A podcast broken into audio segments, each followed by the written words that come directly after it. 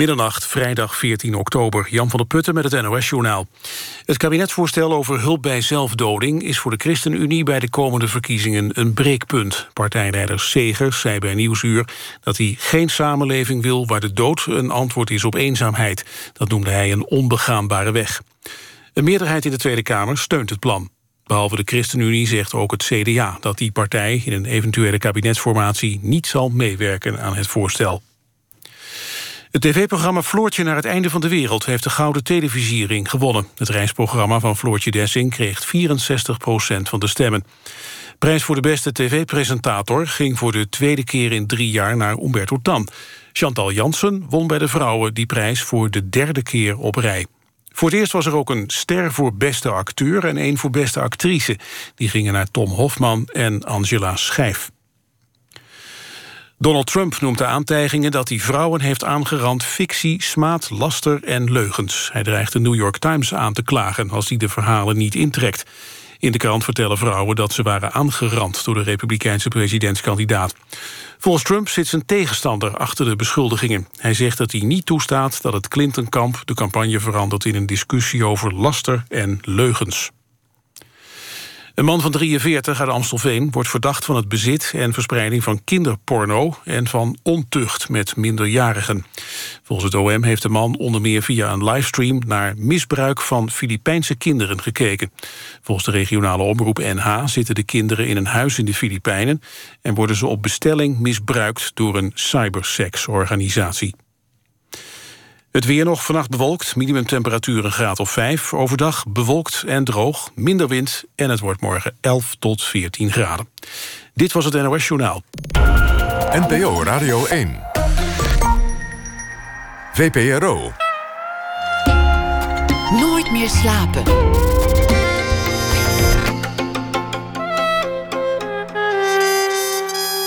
Met Pieter van der Wielen.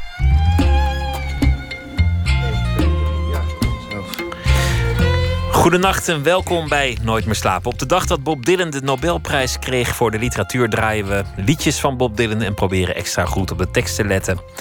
De jacht is geopend, het seizoen is begonnen. Pauline de Bok is jager en schrijver en schreef een boek over haar leven in de bossen van Duitsland. En dat boek heet Buit, over loeren, aanleggen, schieten en bereiden. Dat allemaal na één uur. We beginnen met Stefan Hertmans. Met Oorlog en Terpentijn brak hij door, definitief in 2013. Meer dan 200.000 exemplaren verkocht. In België was het een klassieker op slag. Sindsdien schreef hij meer boeken, maar De Bekeerlingen is zijn volgende roman en geldt als de opvolger van dit enorme succes. Het speelt in de 11e eeuw. Een vrouw verlaat de stad Rouen omdat zij verliefd is geworden op een man, een Joodse man, een christelijke vrouw met een Joodse man in de tijd van pogroms en kruistochten. Hertmans reist ze na duizend jaar later naar de Provence en zelfs naar Egypte. Stefan Hertmans, geboren in 1951, was ooit kunstdocent, is schrijver, dichter, schreef al vele boeken en bundels en essays. En zijn grote doorbraak was dus voorbij de 60. Stefan Hertmans, hartelijk welkom. Dank je.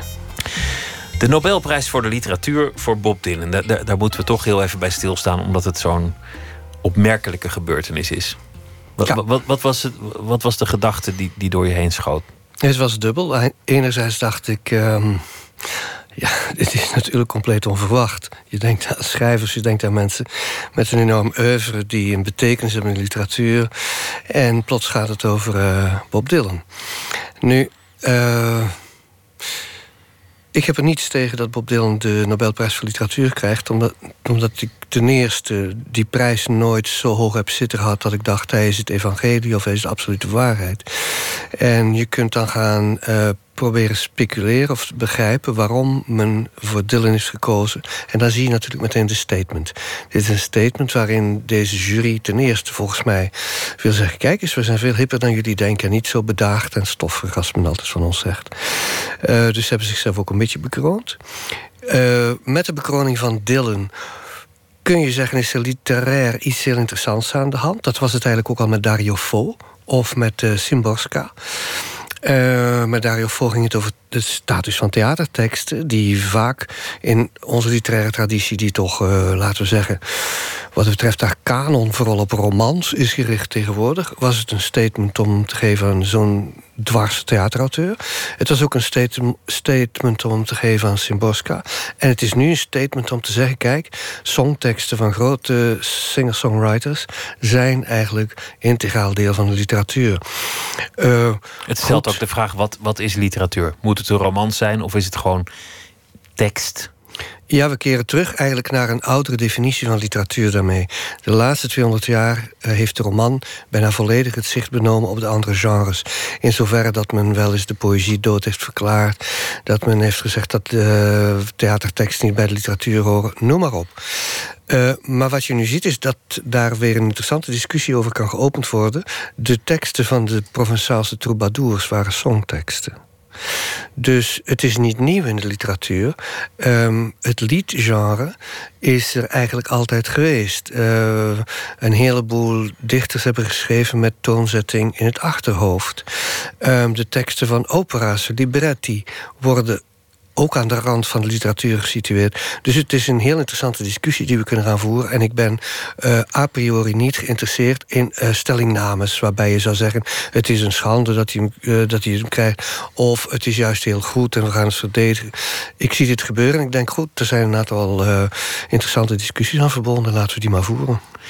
Ik hoorde de literatuur al doodverklaard. Dat is altijd goed, iets doodverklaren. Moet je elke dag doen. Gewoon zeggen, de literatuur is dood. Kan je morgen weer, uh, weer opgraven en reanimeren.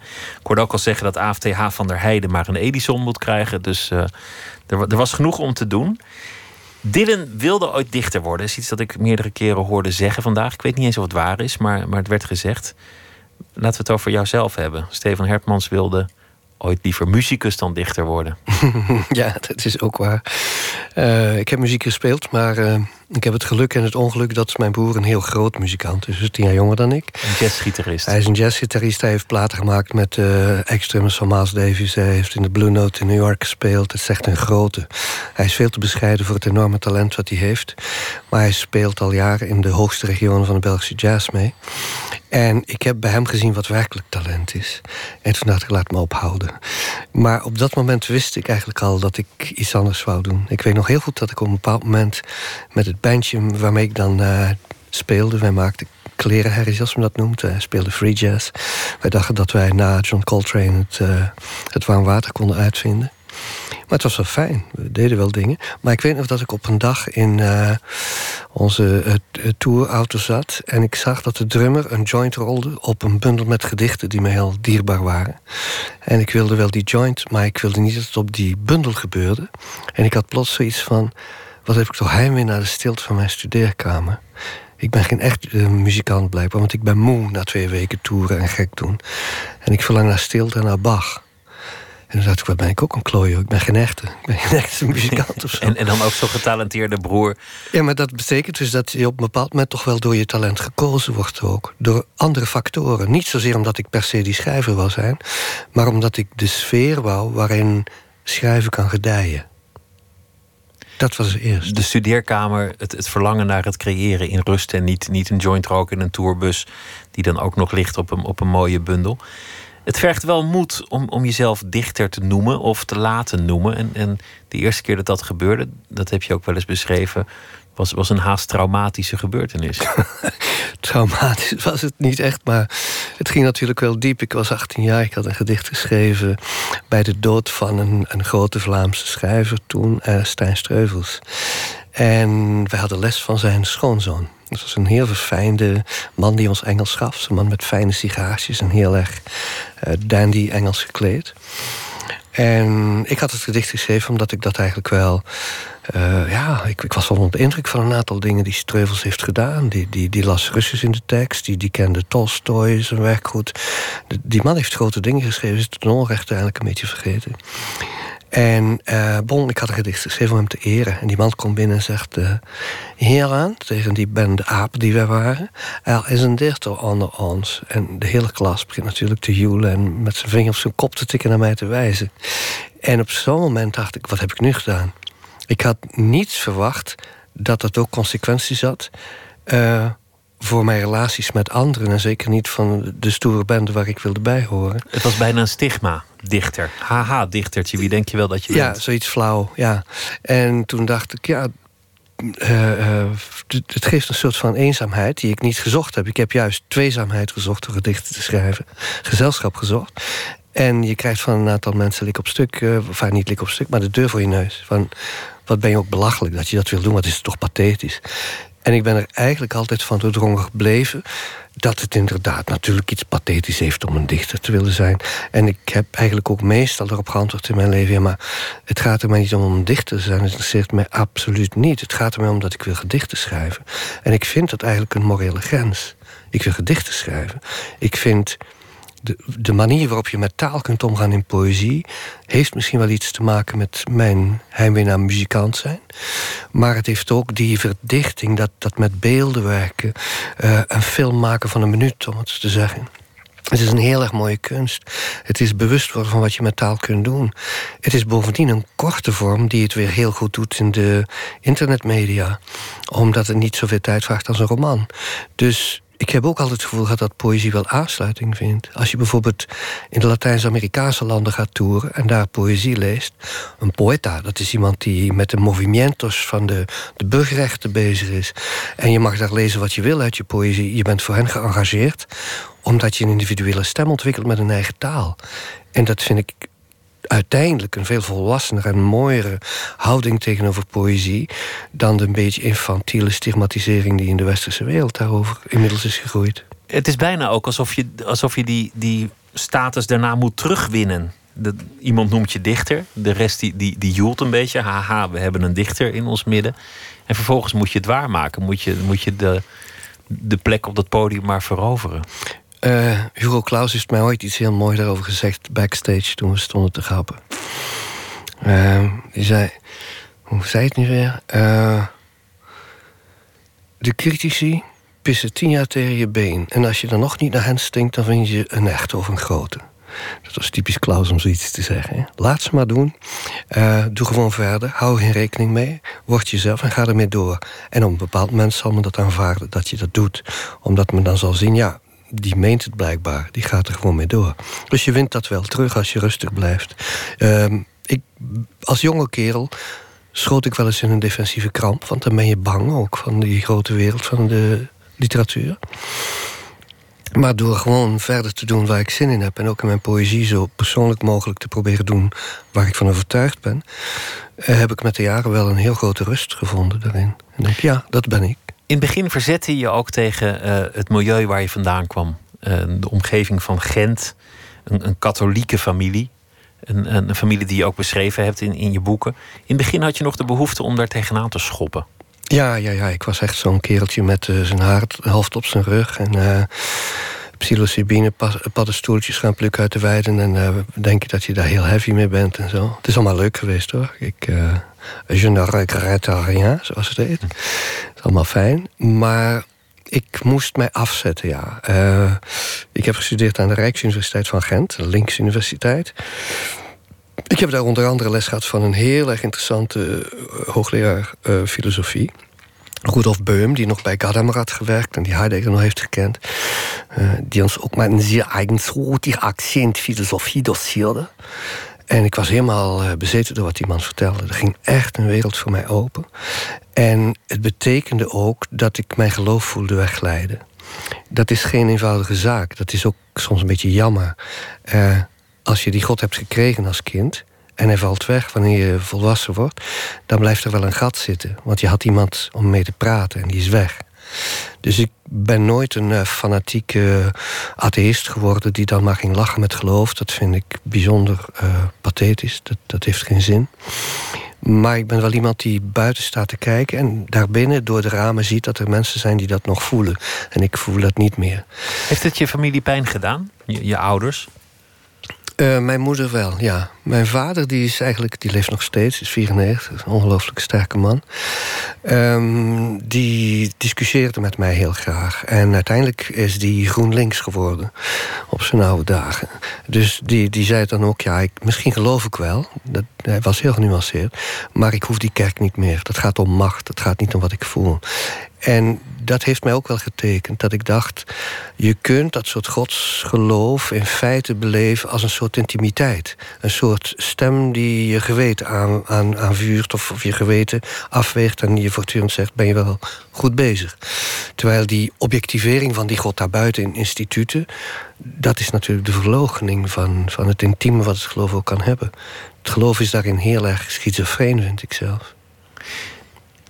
Het, het, is bijna alsof Oorlog en Terpentijn dat een boek was uh, aan de hand van de memoires van je, van je opa. De notities die hij zelf opschreef over zijn leven en, en zijn tijd in, in, de, in de loopgraven.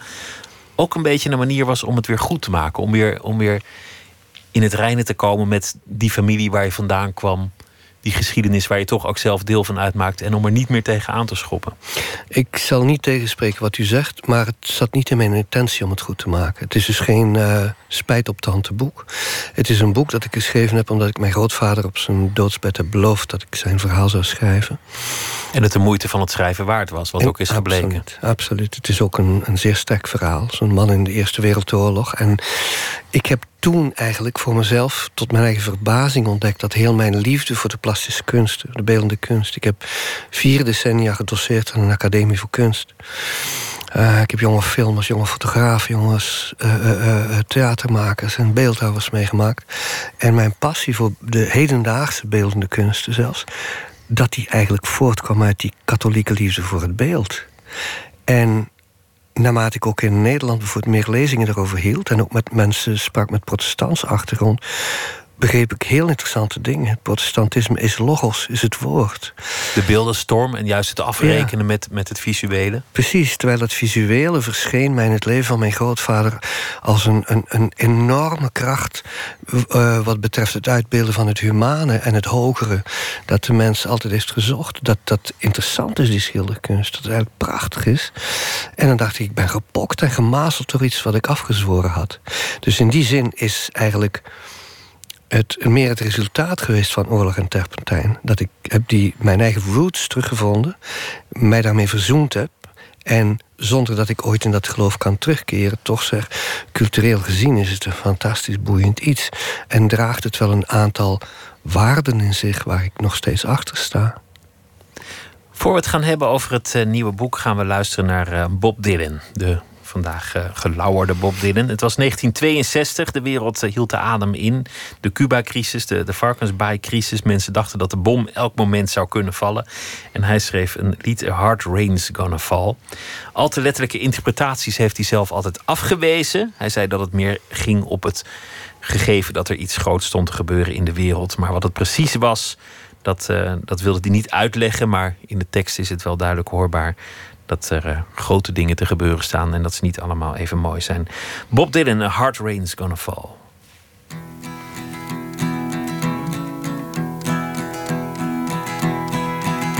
Oh, where have you been, my blue-eyed son? And where have you been, my darling young one? I've stumbled on the side of twelve misty mountains. I've walked and I crawled on six crooked highways. I've stepped in the middle of seven sad forests. I've been out in front of a dozen dead oceans. I've been 10,000 miles in the mouth of a graveyard. And it's a hard, it's a hard, it's a hard, it's a hard, it's a hard rain. They're gonna fall.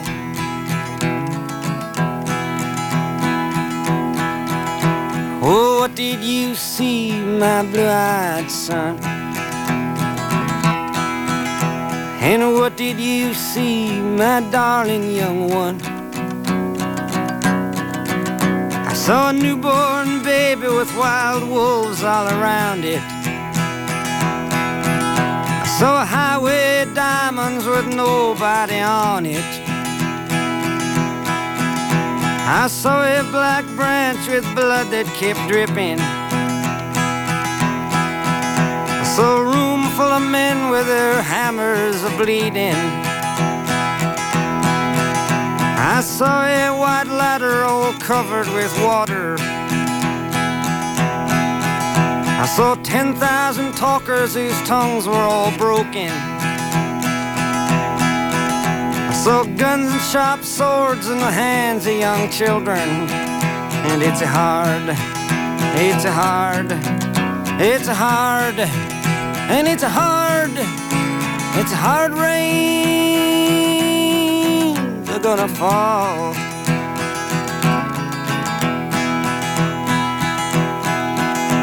Oh, What did you hear, my blue-eyed son? And what did you hear, my darling young one? Heard the sound of a thunder that roared out a warning. I heard the roar of a wave that could drown the whole world. I heard 100 drummers whose hands were ablazing. I heard 10,000 whispering and nobody listening. I heard one person starve, I heard many people laughing. I heard the song of a poet who died in the gutter. I heard the sound of a clown who cried in the alley. And it's a hard, it's a hard, it's a hard, it's a hard, it's a hard are gonna fall.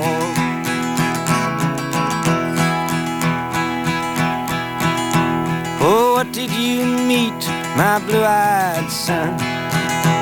And who did you meet? my darling young one. I met a young child beside a dead pony. I met a white man who walked a black dog. I met a young woman whose body was burning. I met a young girl, she gave me a rainbow. I met one man who was wounded in love.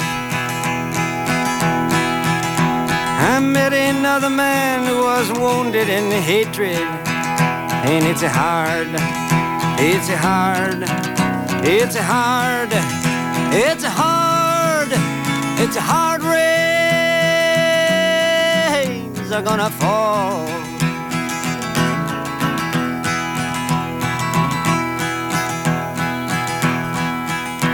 And what'll you do now, my blue-eyed son? And what'll you do now, my darling young one? I'm a going back out for the rain starts a falling. I'll walk to the depths of the deepest dark forest Where the people are many and their hands are all empty Where the pellets of poison are flooding their waters Where the home in the valley meets the damp, dirty prison and the executioner's face is always well hidden. Where hunger is ugly, where the souls are forgotten. Where black is the color, where none is the number. And I'll tell it and speak it and think it and breathe it and reflect from the mountains so all souls can see it.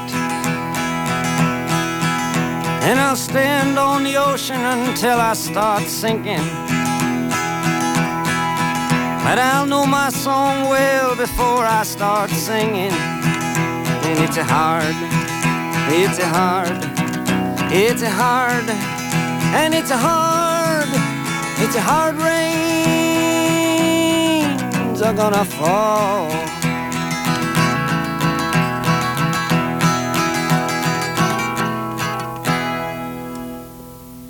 A Hard Rain's Gonna Fall, Bob Dylan. 22 jaar oud was hij. Het kwam uit in 1963. Stefan Hertmans zit tegenover mij. We gaan praten over uh, zijn nieuwe roman De Bekeerlingen. Een, uh, een historische reis. Het, het, verhaal speelt in de 11e eeuw. De, de tijd van de kruistochten, van de pogroms... En een, en een streven om het ware christendom na te leven. Het begint eigenlijk met een document dat, dat ergens is opgetekend. Wanneer kwam dit verhaal op je eigen pad? Het begon voor mij zelfs met een wetenschappelijk artikel over dat document. Uh, dat ik dan nog kreeg van een uh, iets wat bejaardere buur in het kleine Provençaalse dorpje. waar ik 22 jaar geleden een huis heb gekocht. Eh, ik denk dat ik toch al bijna een tiental jaar was... toen die man op een bepaald moment zei... Ja, ik heb hier een document, het is een, een, een artikel over uh, iets wat in ons dorp gebeurd is... heel lang geleden. En je moet het maar eens lezen als je tijd hebt. En ik heb dat zoals ik ben... en dat ook met mijn, de cahiers van mijn grootvader heb gedaan... rustig in een lade gelegd en gedacht voor later. Ik ben dat op een bepaald moment gaan lezen, een paar jaar geleden... En toen pas besefte ik waar dat over ging. Het is namelijk een artikel van een... hoogleraar uit Chicago, Norman Golb. Die een van de grote geleerden is wat betreft oude Hebreeuwse manuscripten. Hij heeft ook een grote rol gespeeld in de decryptage van de Dode Zeerollen. Uh, en hij was toen nog jong. En heel vroeg in zijn carrière heeft hij zich gebogen over een aantal documenten. die behoren, het is een ingewikkelde geschiedenis. die behoren tot een enorme collectie oude documenten. die gevonden zijn in een synagoge in Cairo in de 19e eeuw. Er zijn in totaal 250.000,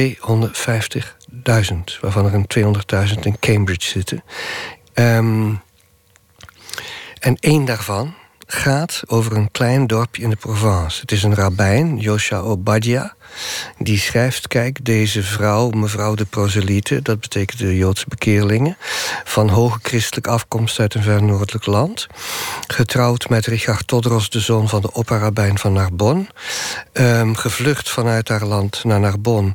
daar na zes maanden achterna gezeten door de ridders van haar vader... is gevlucht naar onze kleine Joodse communiteit hier in dit dorp... en hij noemt het dorp. En het zijn vier letters die half afgescheurd zijn. Dat is op zich al een thriller om te vinden waar dat dan was. En die vier letters zijn de Hebreeuwse transcriptie van het dorpje waar ik dat huis heb. En ik ben in de ruïnes gaan zoeken boven het dorp. Geen Fransman is erin geïnteresseerd, dus alles ligt daar onaangeroerd tussen de rotsen. Het verandert daar ook niet, dat klimaat. En ik heb daar sporen teruggevonden van wat ik denk de Joodse wijk te zijn geweest. En ik heb steeds meer uh, bewijsmateriaal verzameld. In zoverre dat die Norman Golb op zijn 86 nu op basis van een aantal dingen die ik hem heb uh, toegeschoven... een nieuw artikel heeft geschreven over die kwestie. En het is een, een roman geworden, een, een historische roman en een reisverhaal in één. Die, dat dorp in de Provence ligt in een gebied. Er, er, zijn bergen, de Mont Ventoux is er één van. En het is ook de plek waar vroeger de atoomraketten van Frankrijk opgeslagen lagen. En uh, nu heeft het soms alternatieve bestemmingen. Een restaurant bijvoorbeeld. Dan kun je een soort James Bond-achtige omgeving daar uh, je steekfriet eten.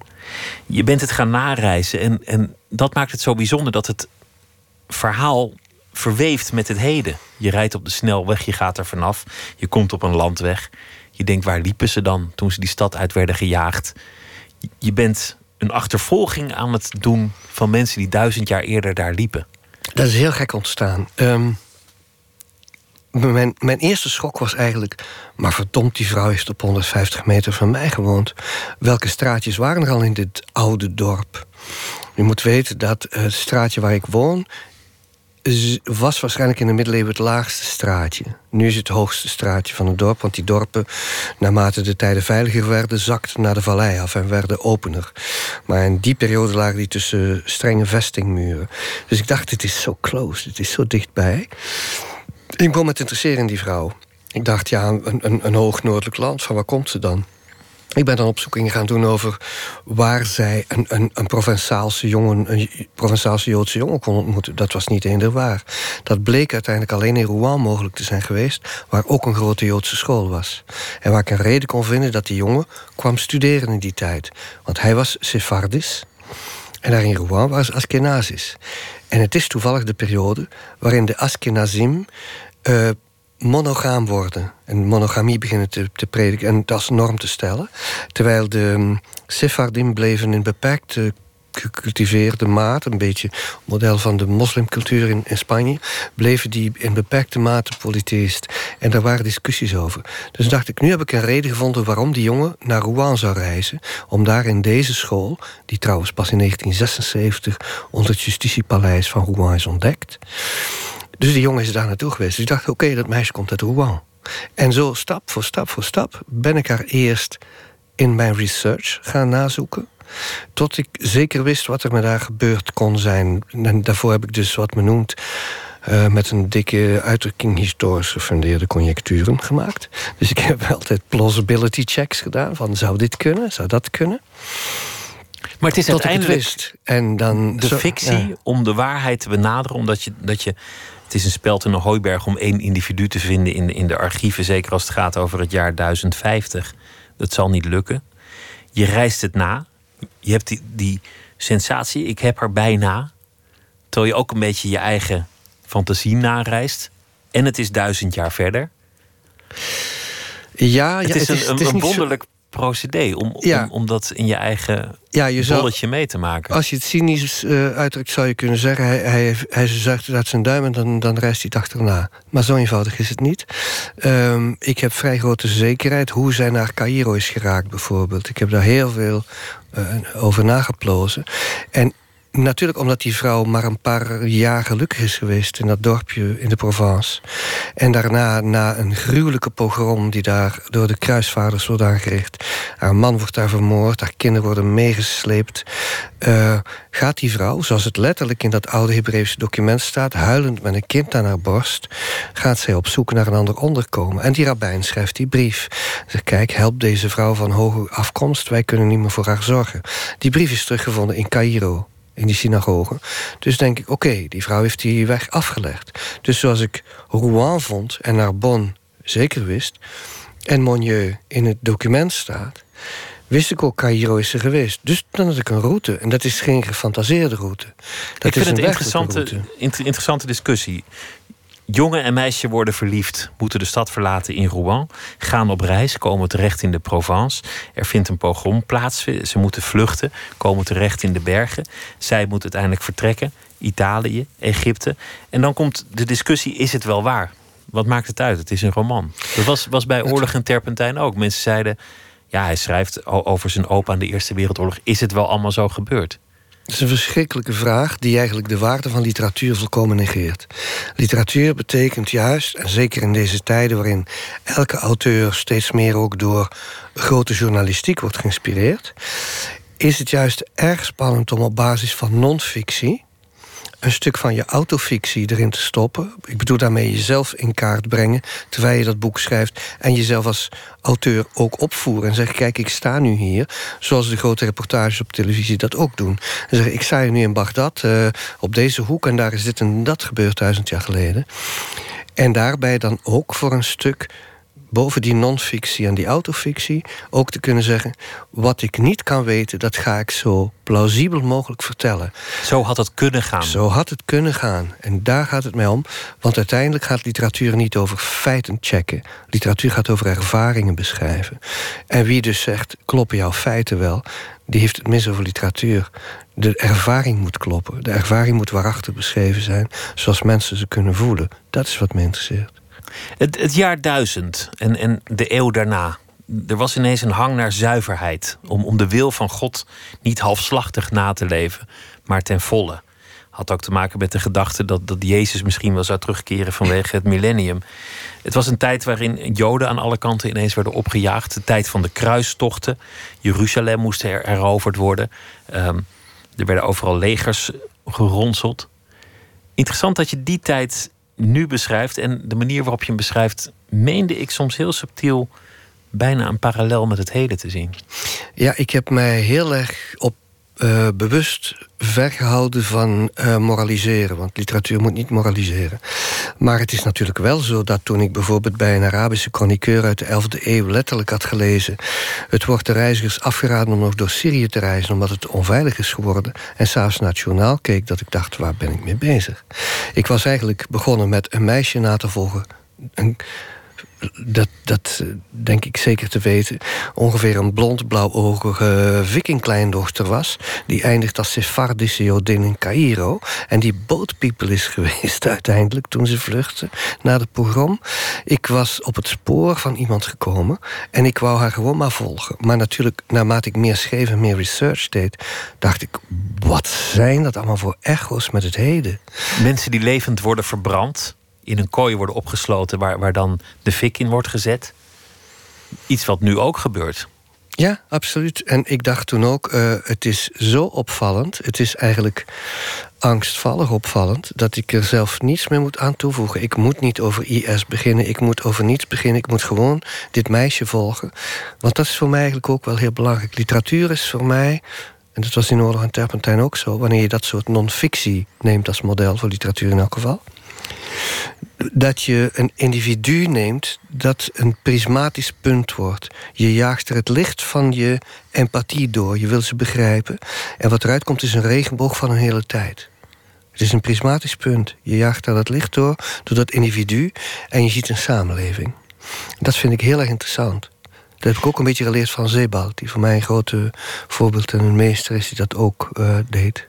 God ook voor het, het boek over, over de opa. Door, door het verhaal van één jonge man kom je erachter wat, wat er voor gigantische gebeurtenissen zijn geweest in België in de jaren 14, 18 Absoluut. en verder. En het liefst een, een kleine, bescheiden, naamloze mens nemen. En van die mens proberen te houden. En te zeggen, ik ben erin geïnteresseerd. We leven in een tijd waarin je ziet dat voor vluchtelingen, noem maar op... Uh, vooral wanneer je puur rationele redenen gebruikt, kun je zo hardvochtig worden als je wil. Maar empathie is een kwetsbaar iets. En je moet geïnteresseerd zijn om iemand te begrijpen. En dat is ook wat ik wou doen. Ik wou per se weten wat die vrouw gevoeld had. Ik laat haar bijvoorbeeld niet aan het woord. Ik heb haar geen dialoogjes gegeven. Dat vond ik onmogelijk. Dat leek mij ook een leugen.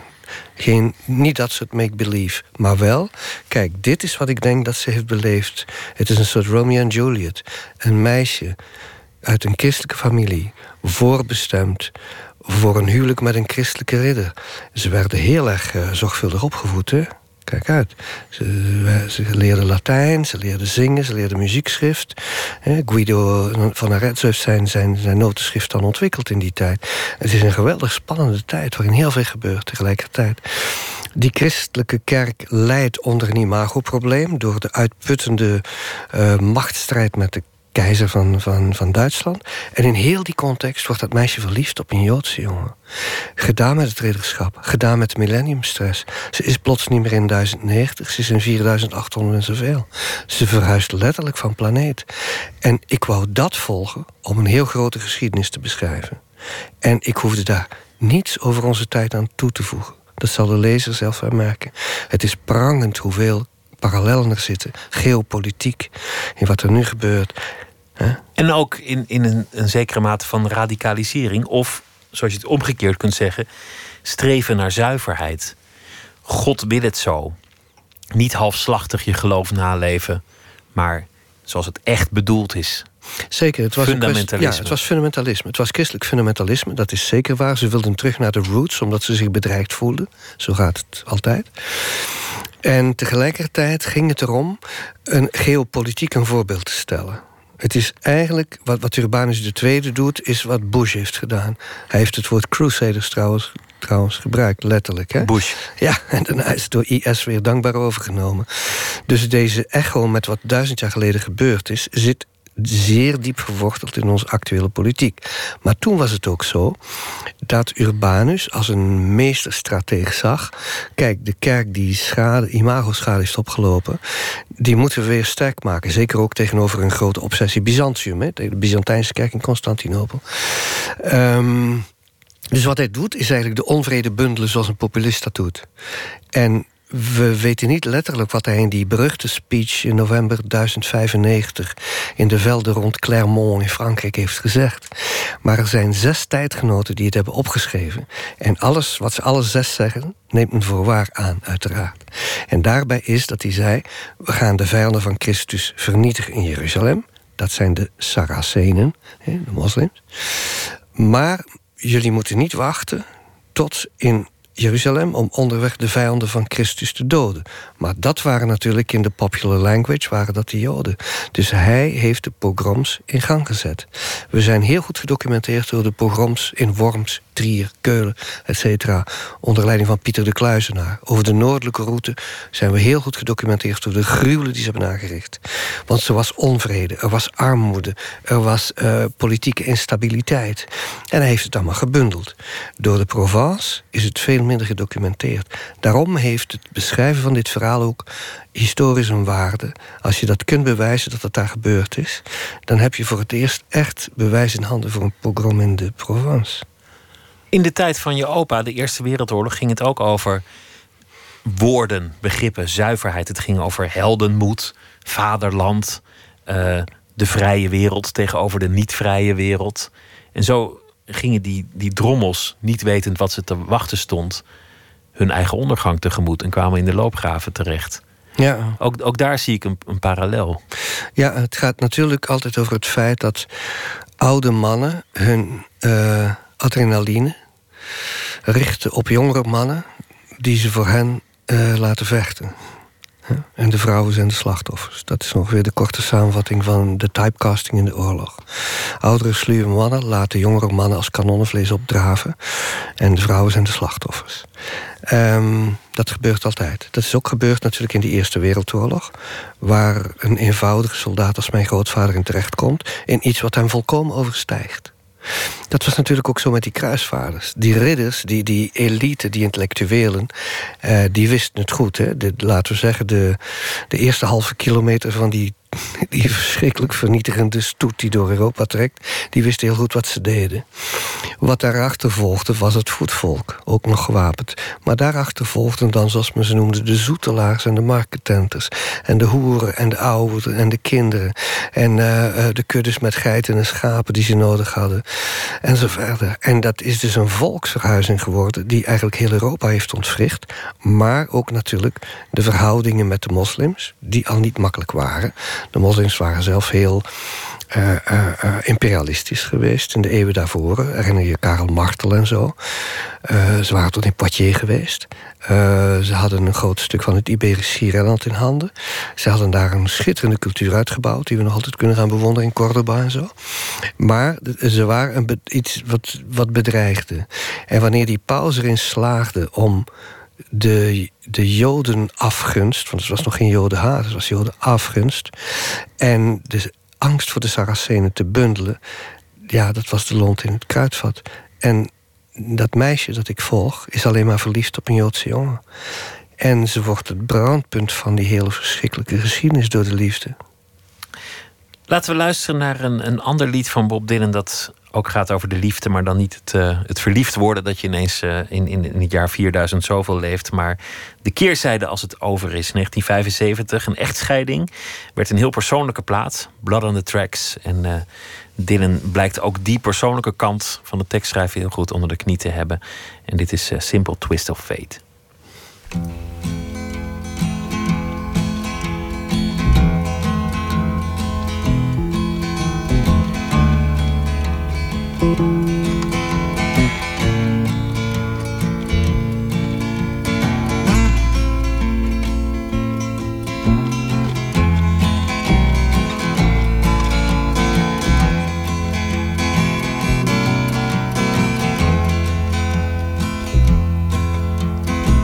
They sat together in the park as the evening sky grew dark. She looked at him and he felt a spark tingle to his bones.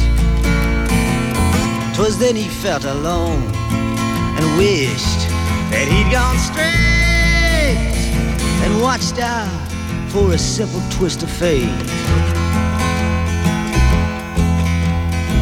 They walked along by the old canal, a little confused, I remember well, and stopped into a strange hotel with a neon burning bright. He felt the heat of the night hit him like a freight train moving with a simple twist of fate. A saxophone someplace far off played as she was walking on by the arcade. As the light burst through a beat up shade where he was waking up, she dropped a coin into the cup above a blind man at the gate and forgot about a simple twist of fate.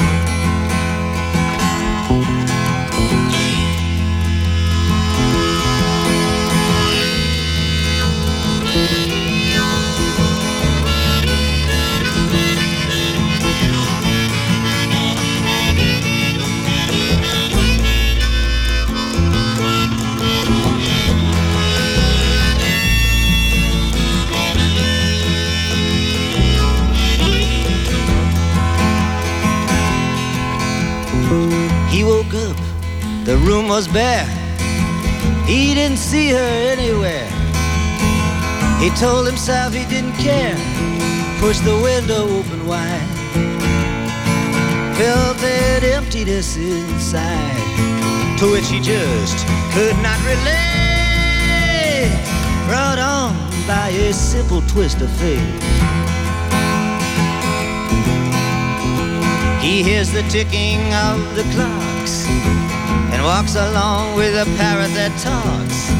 Hunts her down by the waterfront docks where the sailors all come in. Maybe she'll pick him out again. How long must he wait? One more time for a simple twist of fate. People tell me it's a sin to know and feel too much within. Still believe she was my twin, but I lost the rain. She was born in spring, but I was born too late. Blame it on this simple twist of fate.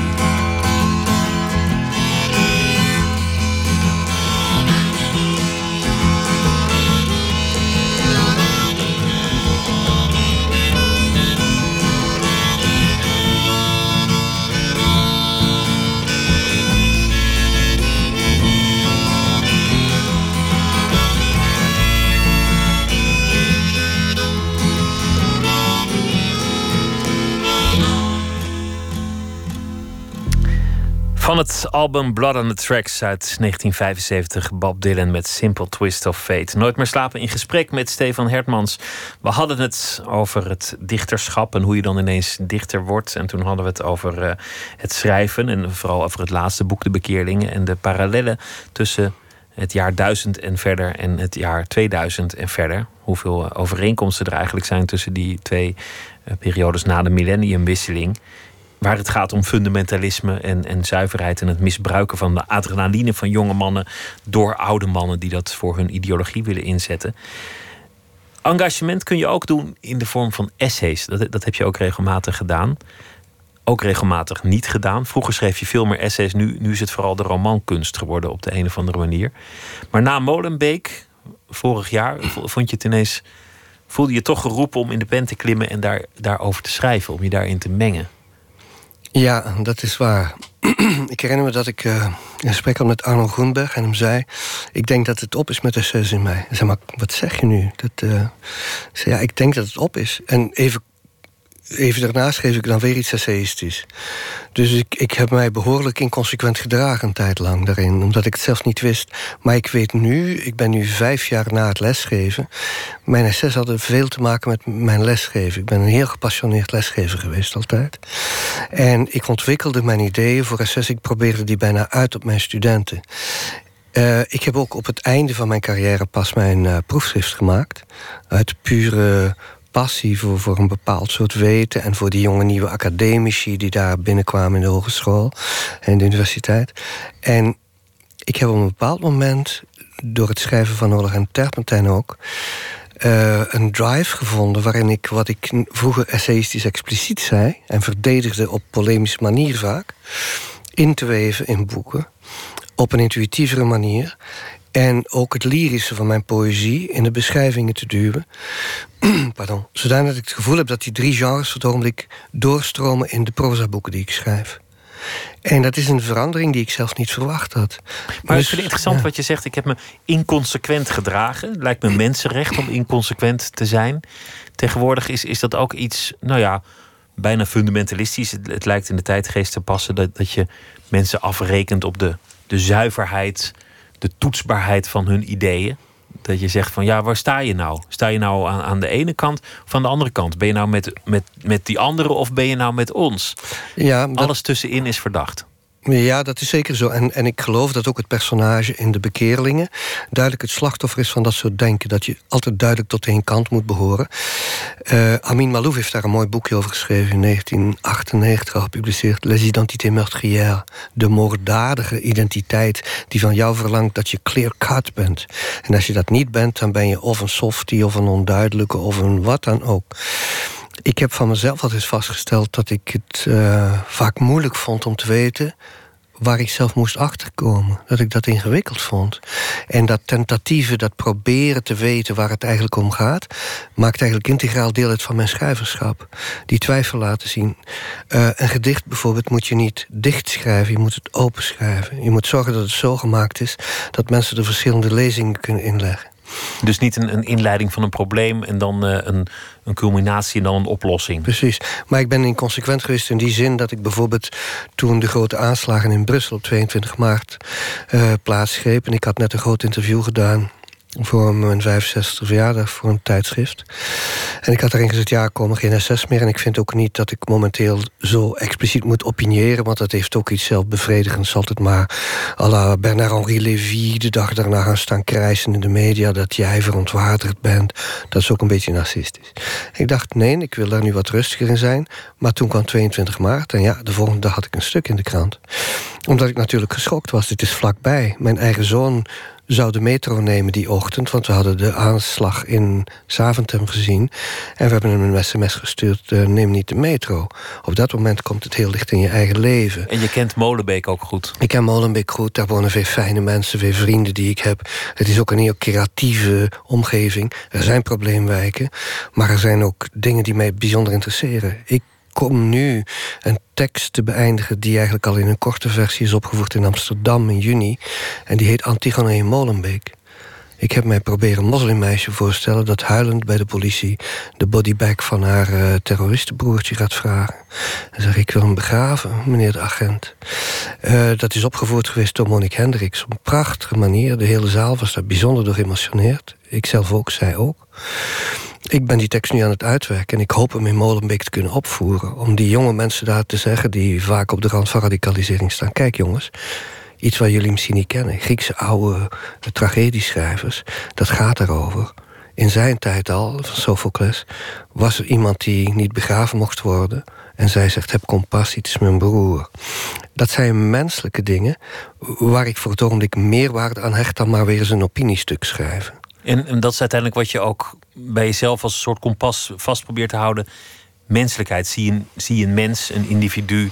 En kijk niet naar, naar aan welke kant je staat. Of, of, of wat goed is, wat fout is, wat de grote bewegingen zijn. Ja, dat, is, dat klinkt heel mooi en dat, dat proberen we natuurlijk meestal vast te houden. Dat is ook de theorie van die grote Joods-Franse filosoof Emmanuel Levinas.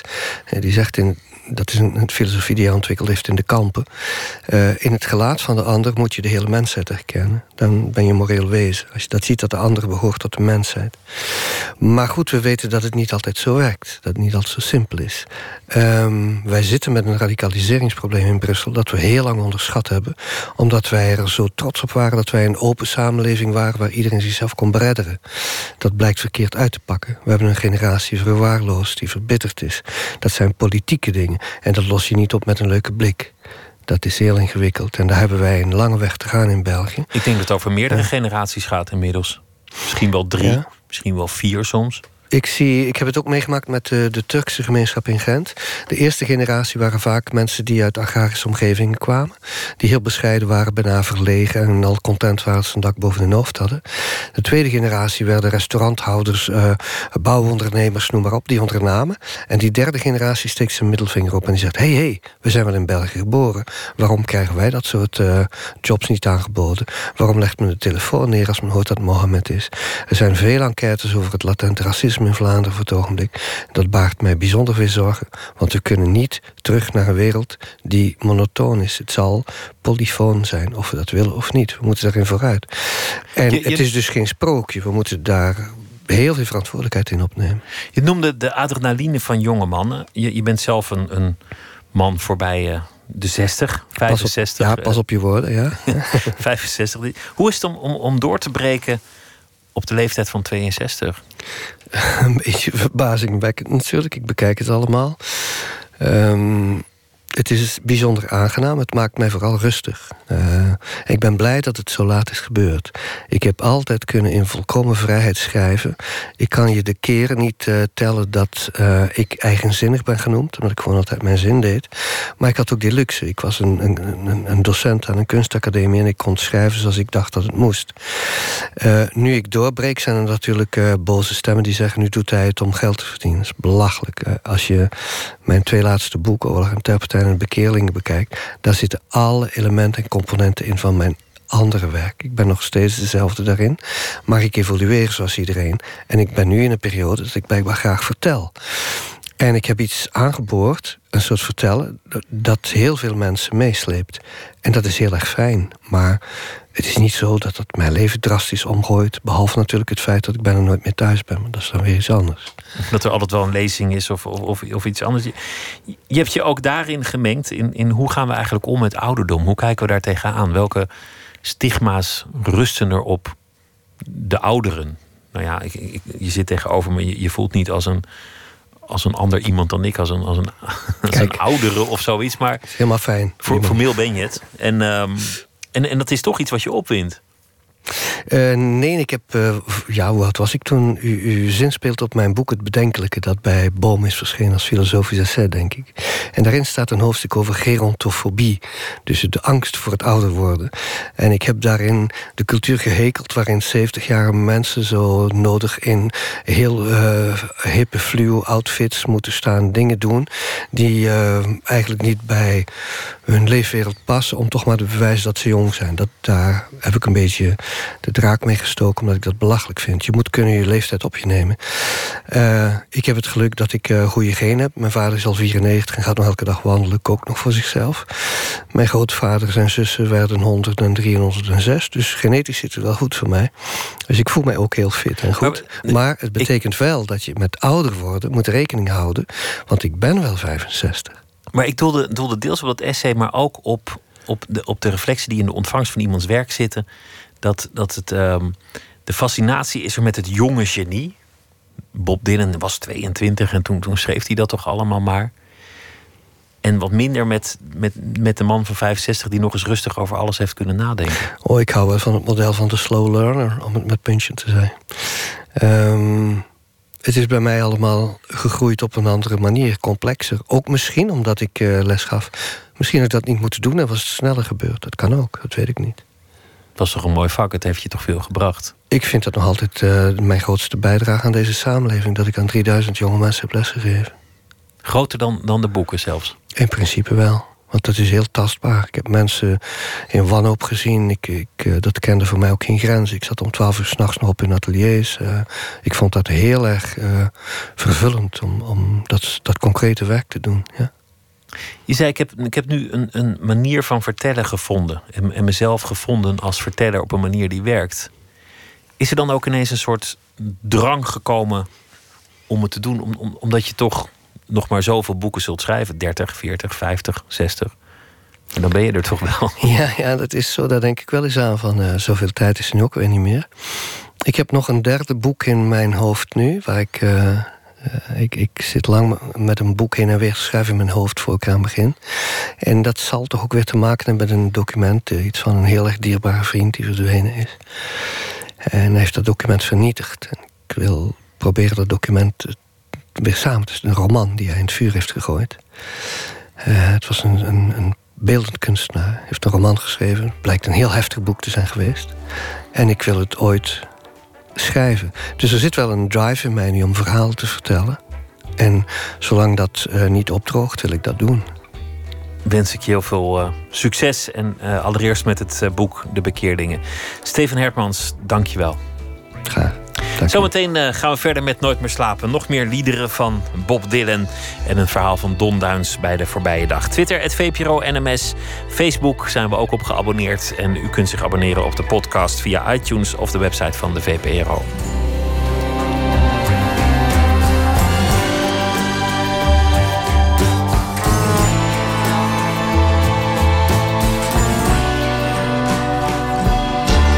Op Radio 1, het nieuws van alle kanten.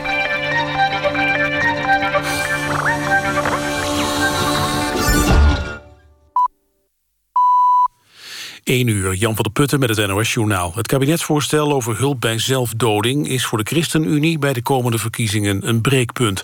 Partijleider Segers zei bij Nieuwsuur dat hij geen samenleving wil... waar de dood een antwoord is op eenzaamheid.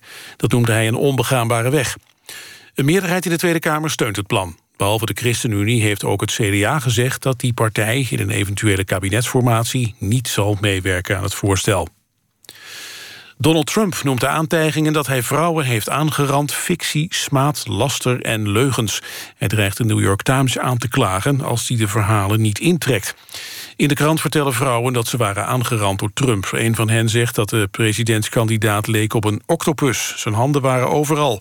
Volgens Trump zit zijn tegenstander achter de beschuldigingen. Hij zegt dat hij niet toestaat dat het Clinton-kamp de campagne verandert... in een discussie over laster en leugens.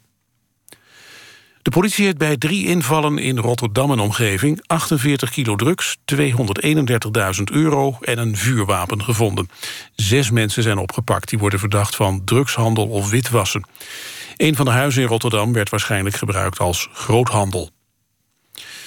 TV-programma Floortje naar het einde van de wereld... heeft de Gouden Televisiering gewonnen. Het reisprogramma van Floortje Dessing kreeg 64% van de stemmen. De andere genomineerden voor de publieksprijs voor het beste tv-programma... waren misdaadserie Penosa en Geer en Goor zoeken een hobby. Prijs voor de beste tv-presentator ging voor de tweede keer in drie jaar naar Humberto Tan. Chantal Jansen won bij de vrouwen die prijs voor de derde keer op rij. Voor het eerst waren er ook prijzen voor de beste acteur en actrice. Die gingen naar Tom Hofman en Angela Schijf. Het weer nog vannacht bewolkt, minimumtemperatuur een graad of 5. Overdag bewolkt en droog, minder wind en het wordt 11 tot 14 graden. Dit was het NOS Journaal. NPO Radio 1. VPRO. Nooit meer slapen.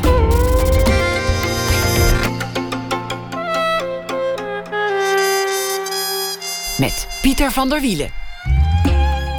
En dan gebeurt er een grote ramp. En wat ben je dan? De held of de lafaard? En kun je dat weten? Theater Rampscenario neemt de proef op de som. Zometeen uh, hoort u Gusta Gelijnse over haar voorstelling over angst en over vrijheid. Pauline de Bok komt op bezoek. Zij is schrijver, vertaler, maar ook jager. Haar boek heet Buit een jachtjaar. En dat uh, beschrijft de jacht van de eerste pootafdruk tot aan het schot en alles wat daarna gebeurt.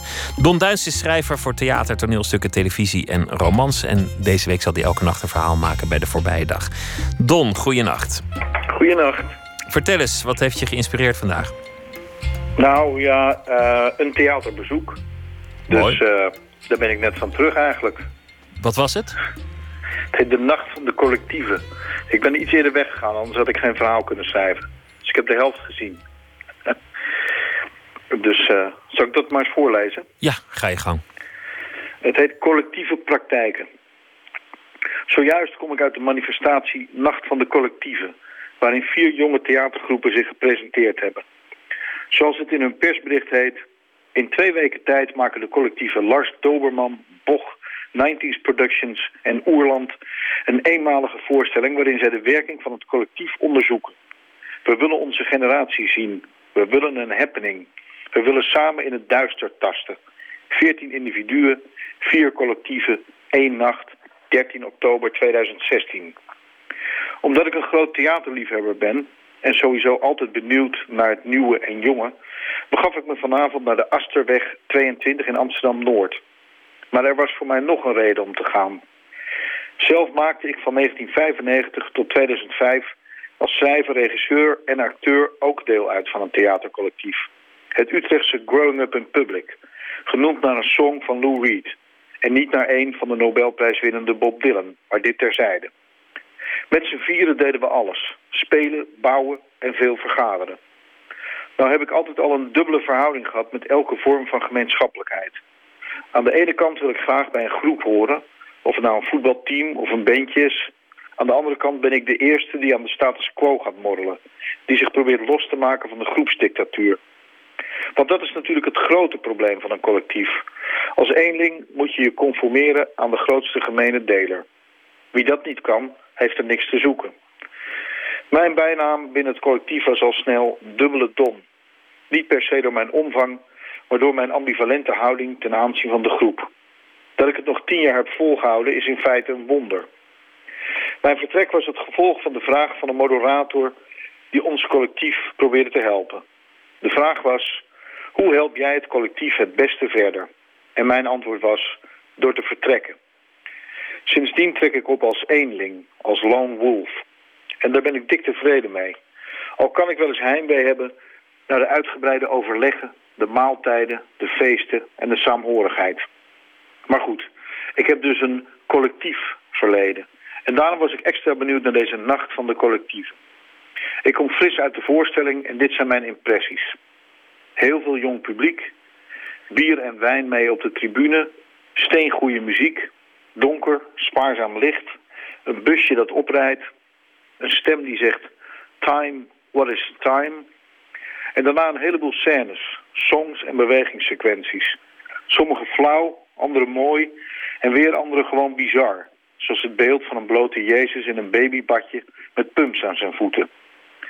Het geheel is vitaal. De jonge spelers barsten van de energie, ondanks de buikloop die er naar eigen zeggen collectief onder de uitvoering is uitgebroken. Oerlandacteur Thomas Doetkewitsch zingt het kinderlied Steek je hand op voor Thomas. En we krijgen witte petjes met daarop de leus Mental Vacation. In mijn hoofd resoneert een door een van de acteurs voorgelezen zin. Het gaat erom zo lang naar iets te kijken dat je niet meer weet wat het is. Daar sluit ik me bij aan. Collectief theater is niet dood, het is springlevend. Don Duins, dankjewel voor je beschouwing bij uh, het collectieve theater en de avond van de collectieve. En, uh, ja, en ik heb toch nog Bob weten te noemen. En toch nog Bob Dylan weten te noemen. En, en het pleit ook wel weer voor je, vind ik zelf, dat, dat je een individu bent, een individualist. Ik, ik, ik, heb, ik heb altijd een soort, soort tegenzin bij het woord collectief op de een of andere manier. Ook in de, in de politiek. Al die programma's die komen, dan is het allemaal samen, wij met z'n allen, schouder ja, aan schouder. Een, een, interessante observatie werd genoemd in die, in die presentatie... dat collectieven zich voornamelijk voordoen in tijden van crisis. Dus nou ja, wat we daar weer van moeten vinden, weet ik niet. Dat we dan elkaar warm houden om toch de kachel uh, niet al te hoog te hoeven stoken, denk ik. Zoiets. Don, dankjewel. Goeienacht en uh, heel graag tot morgen. Tot morgen. Bob Dylan, uh, 1965. De plaat heette Highway 61 Revisited. En hier horen we een andere kant van Dylan, namelijk Dylan die ook sneren kan uitdelen, die vals kan zijn.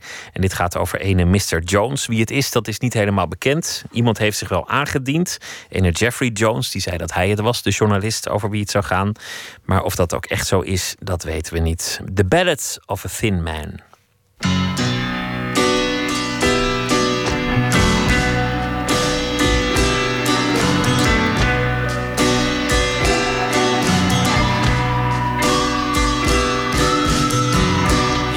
Walk into the room with your pencil in your hand. You see somebody naked and you, you say, Who is that man? You try so hard, but you don't understand just what you will say when you get home. Because something is happening here, but you don't know what it is. Do you, Mr. Jones?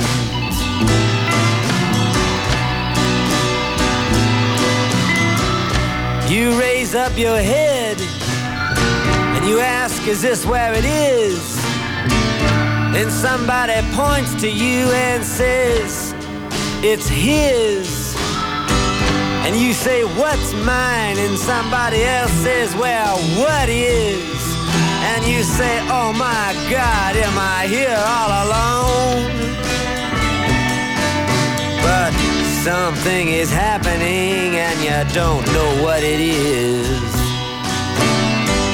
Do you, Mr. Jones?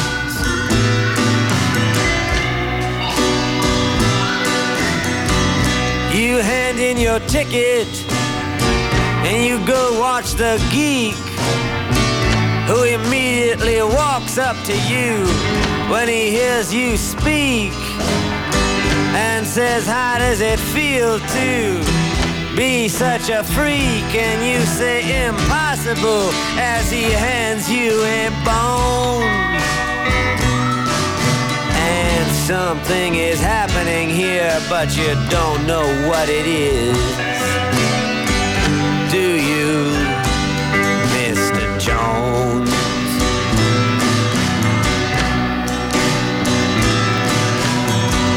You have many contacts among the lumberjacks to get you facts when someone attacks your imagination. But nobody has any respect. Anyway, they already expect you to all give a check to tax deductible charity organizations. Ah, You've been with the professors and they've all liked your looks. With great lawyers, you have discussed lepers and crooks. You've been through all of F. Scott Fitzgerald's books. You're very well read, it's well known. But something is happening here and you don't know what it is. Do you, Mr. Jones?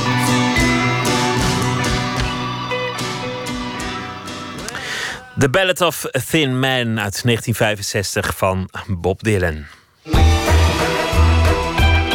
Nooit meer slapen. Wat zou jij zijn bij een ware ramp, een held of een lafaard? En ben jij opgewassen tegen een beetje rampspoed, als een dijkdoorbraak of een overstroming?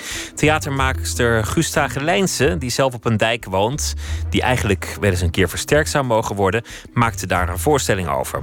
Samen met eh, Judith Hazeleger en Joost Wentink. De aandacht is van begin tot eind op Gusta, die een ontwikkeling doormaakt van verlammende angst naar bevrijdende roekeloosheid.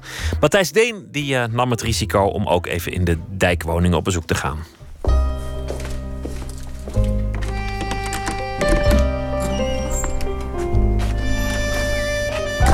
Gusta Gelijnse woont in Durgerdam. Een rij schilderachtige huisjes op een dijk aan het buitenei. Opgeworpen in de 15e eeuw toen het dorp Eidoorn verzwolgen was door de Zuiderzee. Op de plek waar Eidoorn ooit lag staat nu een vuurtorentje. Durgerdam ligt er honderden meters vandaan. Ooit woonden er vissers in die huisjes. Van wie heldhaftige verhalen zijn overgeleverd. Altijd hetzelfde. Het stormde, de dijk bezweek. De vissers raakten op drift, op ijsschotsen en verzopen er, er overleefden er. De laatste doorbraak van de dijk van Durgerdam was nog maar in 1825. En de achterliggende dorpjes, Holisloot, Ransdorp, ze liepen onder. Zeven mensen verdronken. Verzopen koeien dreven met de poten omhoog in het wilde water. Het Hoogheemraadschap maakt zich nu opnieuw zorgen over de dijk van Durgerdam. Dijkverzwaring is nodig, zeggen ze. Neem voor de zekerheid laarzen mee. Er is veel angst in de voorstelling van Gusta Gelijnse. Voor water, vooral hoog water. En het verlangen je in te dekken tegen risico. En is daar wat aan te doen als uh, aankomend astronaut? Dan kun je daar tegen wapenen op de een of andere manier? Ja, je, je zou zeggen van maak dat ruimteschip... Autoradio is ook al vol met angst. Het is overal als je erop gaat letten. Het is niet voor niets dat mensen zo bang zijn. Angst.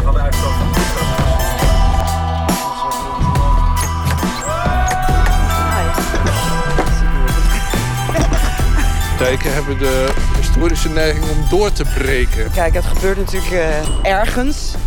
En uh, de rest van de, de, huizen die op de dijken staan, die, uh, die zijn natuurlijk... kijk, Holy Sloot en dat alle Ransdorp, alles wat erachter ligt... dat is echt de puneut. Maar bij mij loopt alleen de kruipruimte onder. dat klinkt heel egocentrisch. Het is een oud steldijkje, de Durgendammerdijk. En we dalen af naar het buitendijkse land, de polder. Bij de vuurtoren zeilen masten langs. Links ligt Pampen, Sint-Maarkenmeer. En op de horizon de hoogopgespoten eilanden van Eiburg. Heel pittig. Het waait nogal. Ja, nou ja, het, het, het, het gaat er niet om dat ik mensen bang wil maken voor het dreigende water. Maar ik vind dat eh, de signalen die gegeven worden in Nederland... Uh, vind ik eh, zeer onduidelijk. Ik vind dat aan de ene kant de media heel erg uh, ja, hetsen creëert over allerlei akkefietjes. Natuurlijk, er, gebeurt ook veel in het land. Maar in, men is bang. Men is bang, ja. En dat wordt aangedikt ook. Daar wordt oeverloos over doorgepraat. Het is een industrie. Ja, het is echt een industrie. Dus en dat, dat is vind ik wat... eigenlijk het meest zorgwekkende. Ja, ja, dat, wat, Ja. Dat, dat is... Um, je hebt ook een, uh, een politieambtenaar in het publiek gezet... en die, die ga je ook omstandig uitschelden. Ja. ja, veiligheid is de schuld van alles. ja, nee, maar ja, nee, even serieus. Het is, het is, het is natuurlijk wel zo. Ik, wat ik het meest zorgwekkend vind... is dat de veiligheidsmaatregelen en uh, de, de angsten die mensen hebben... worden gebruikt om ons helemaal dicht te smeren. En dat sluipt. Laten we even naar de rampeninstructies kijken. Wat te doen bij een noodsituatie. Bij extreem slecht weer. Als u toch de deur uit moet. Neem dan genoeg eten, water, dekens en warme kleding mee. We zijn in Nederland, mensen. Het dichtstbijzijnde familielid is een kwartier kruipen. Schijn eruit! In mijn voorstelling zeg ik, haal ik dat vooral aan. Hè? De controleposten en de camera's, het checken van e-mails. En, en dat, dat vind ik heel zorgelijk. Maar de zorg die we hebben over het stijgende water is niet zo groot. Ja. En dat komt ook volgens mij omdat wij Nederlanders zo gewend zijn met het water te leven. We, we, hebben op ons vierde, vijfde jaar hebben we al onze zwemdiploma's. En, uh, maar het is wel zo, het is wel zo dat de zeespiegel stijgt. En dat de pompen, we hebben nog maar 20, want ik heb me er wel in verdiept. Ja. We hebben nog maar 20 centimeter restruimte. Hè? Als die, heel veel water wordt gereguleerd in, in Nederland via pompen. En die zijn elektrisch. Als de elektriciteit uh, een langere tijd uitvalt... en die staat in de Amsterdamse haven... En die is vrij gevoelig voor overstromingen. Die staat ook ver onder het zeeniveau. Kijk, weet ik, ik vind niet... Weet je, er, persoonlijk zou ik het best grappig vinden. Nou, laat de boel maar een keertje onderstromen. Misschien moeten we met onze economie ook een beetje verhuizen naar het oosten. Maar waarom niet naar Oost-Groningen gaan? Ze hebben ons hard nodig daar. Hm. Waarom moeten we hier alles vol bouwen? En, dus ik denk soms ook, en daar gaat mijn voorstelling over... je hebt weer een... Um, we zijn zo verwend en we duwen alles zo van ons af... Uh, misschien moet er even een rampje gebeuren om weer wakker te worden en inventief te worden. En op een andere manier te gaan bouwen en te gaan kijken en, ja. en economie op te bouwen. Als er tijdens een evenement paniek ontstaat, ga dan niet tegen de mensenstroom in.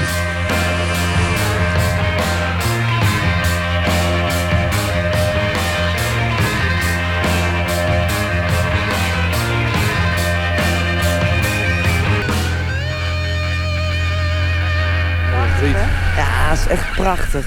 Prachtig. Maar in ieder geval, in, in, voor wat ik wilde zeggen over de voorstelling... is dat um, ja, het, het, gaat over een dame die zich er wel heel erg druk over maakt.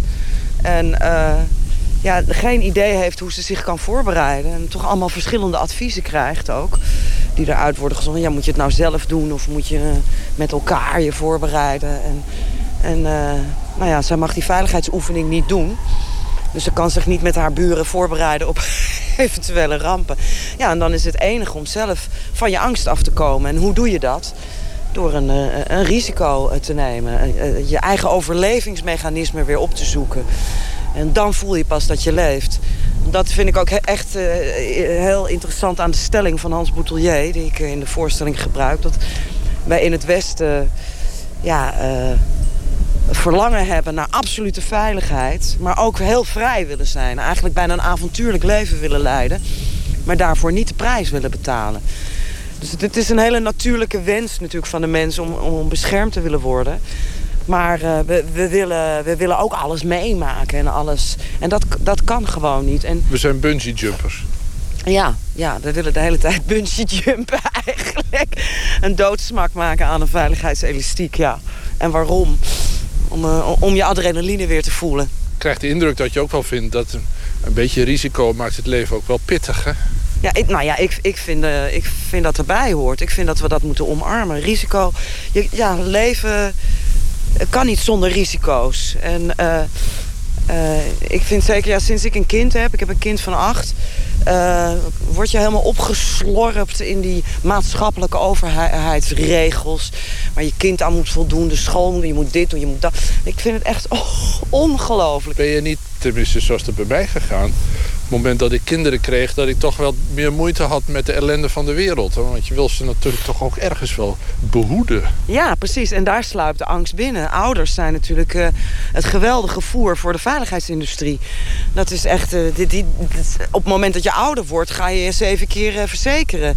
En rijdt je kind met een fietshelmpje. En nou, laat het helmpje dan ook maar op als hij de speeltuin ingaat. Je bent zo kwetsbaar als ouder, omdat je...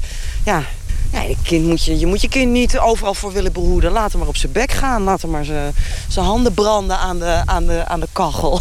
Ja, maar, dat vinden we heel moeilijk. Ja. Zonder blijvende schade toch Zonder, Ja, dat liever wel natuurlijk. Maar je hoort ook steeds vaker in die, in die hele opvoedkunde... dat uh, liefdevolle verwaarlozing uh, heel goed werkt. Als u bedekt onder het tuinlicht... blijf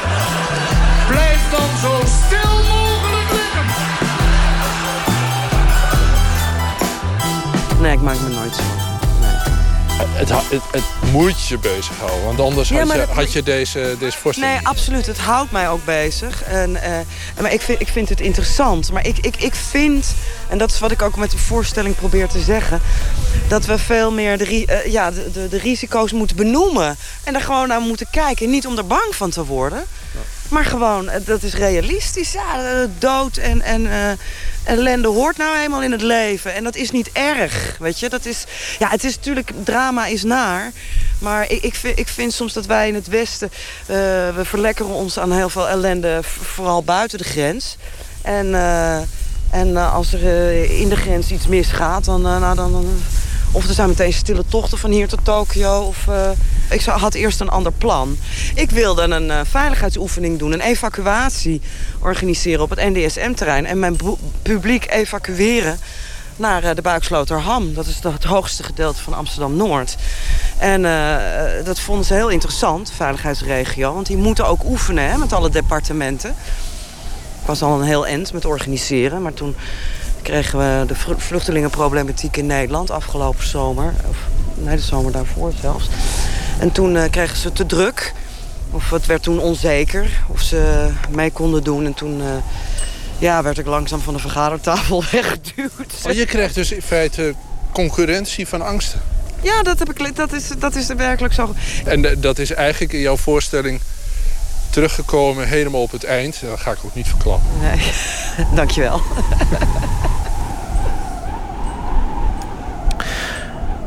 Matthijs Deen in gesprek met Gusta Gelijnse over haar stuk Rampscenario. Afgelopen avond was de première en morgen en in het hele weekende zijn er ook nog voorstellingen.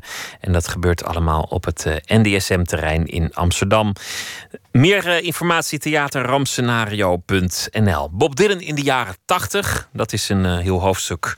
Um, sommige mensen die vonden het helemaal niks meer, maar er is ook een soort appreciëring en een herappreciëring van het oeuvre van de man in de jaren 80. Bijvoorbeeld dit nummer, Man in the Long Black Coat, wordt ook wel omschreven als The Walk the Line. Van Johnny Cash was dat, maar dan van Bob Dylan. En uh, waar het over gaat, dat laten we lekker in het midden.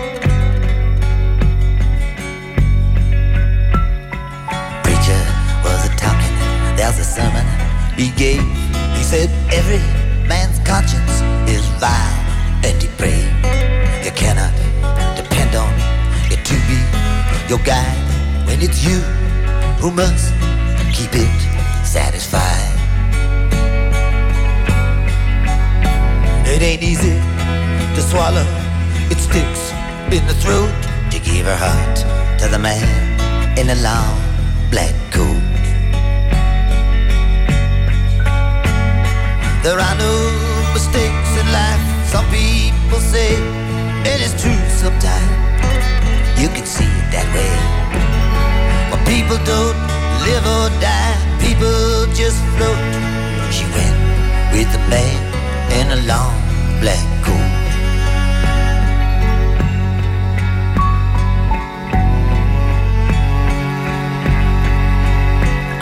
Smoke on the water, it's up in there since June. Tree trunks uprooted neath the high crescent moon. Feel the pulse and vibration and the rumbling force. Somebody is out there beating on a dead horse. She never said nothing, there was nothing she wrote. She gone with the man in the long black coat.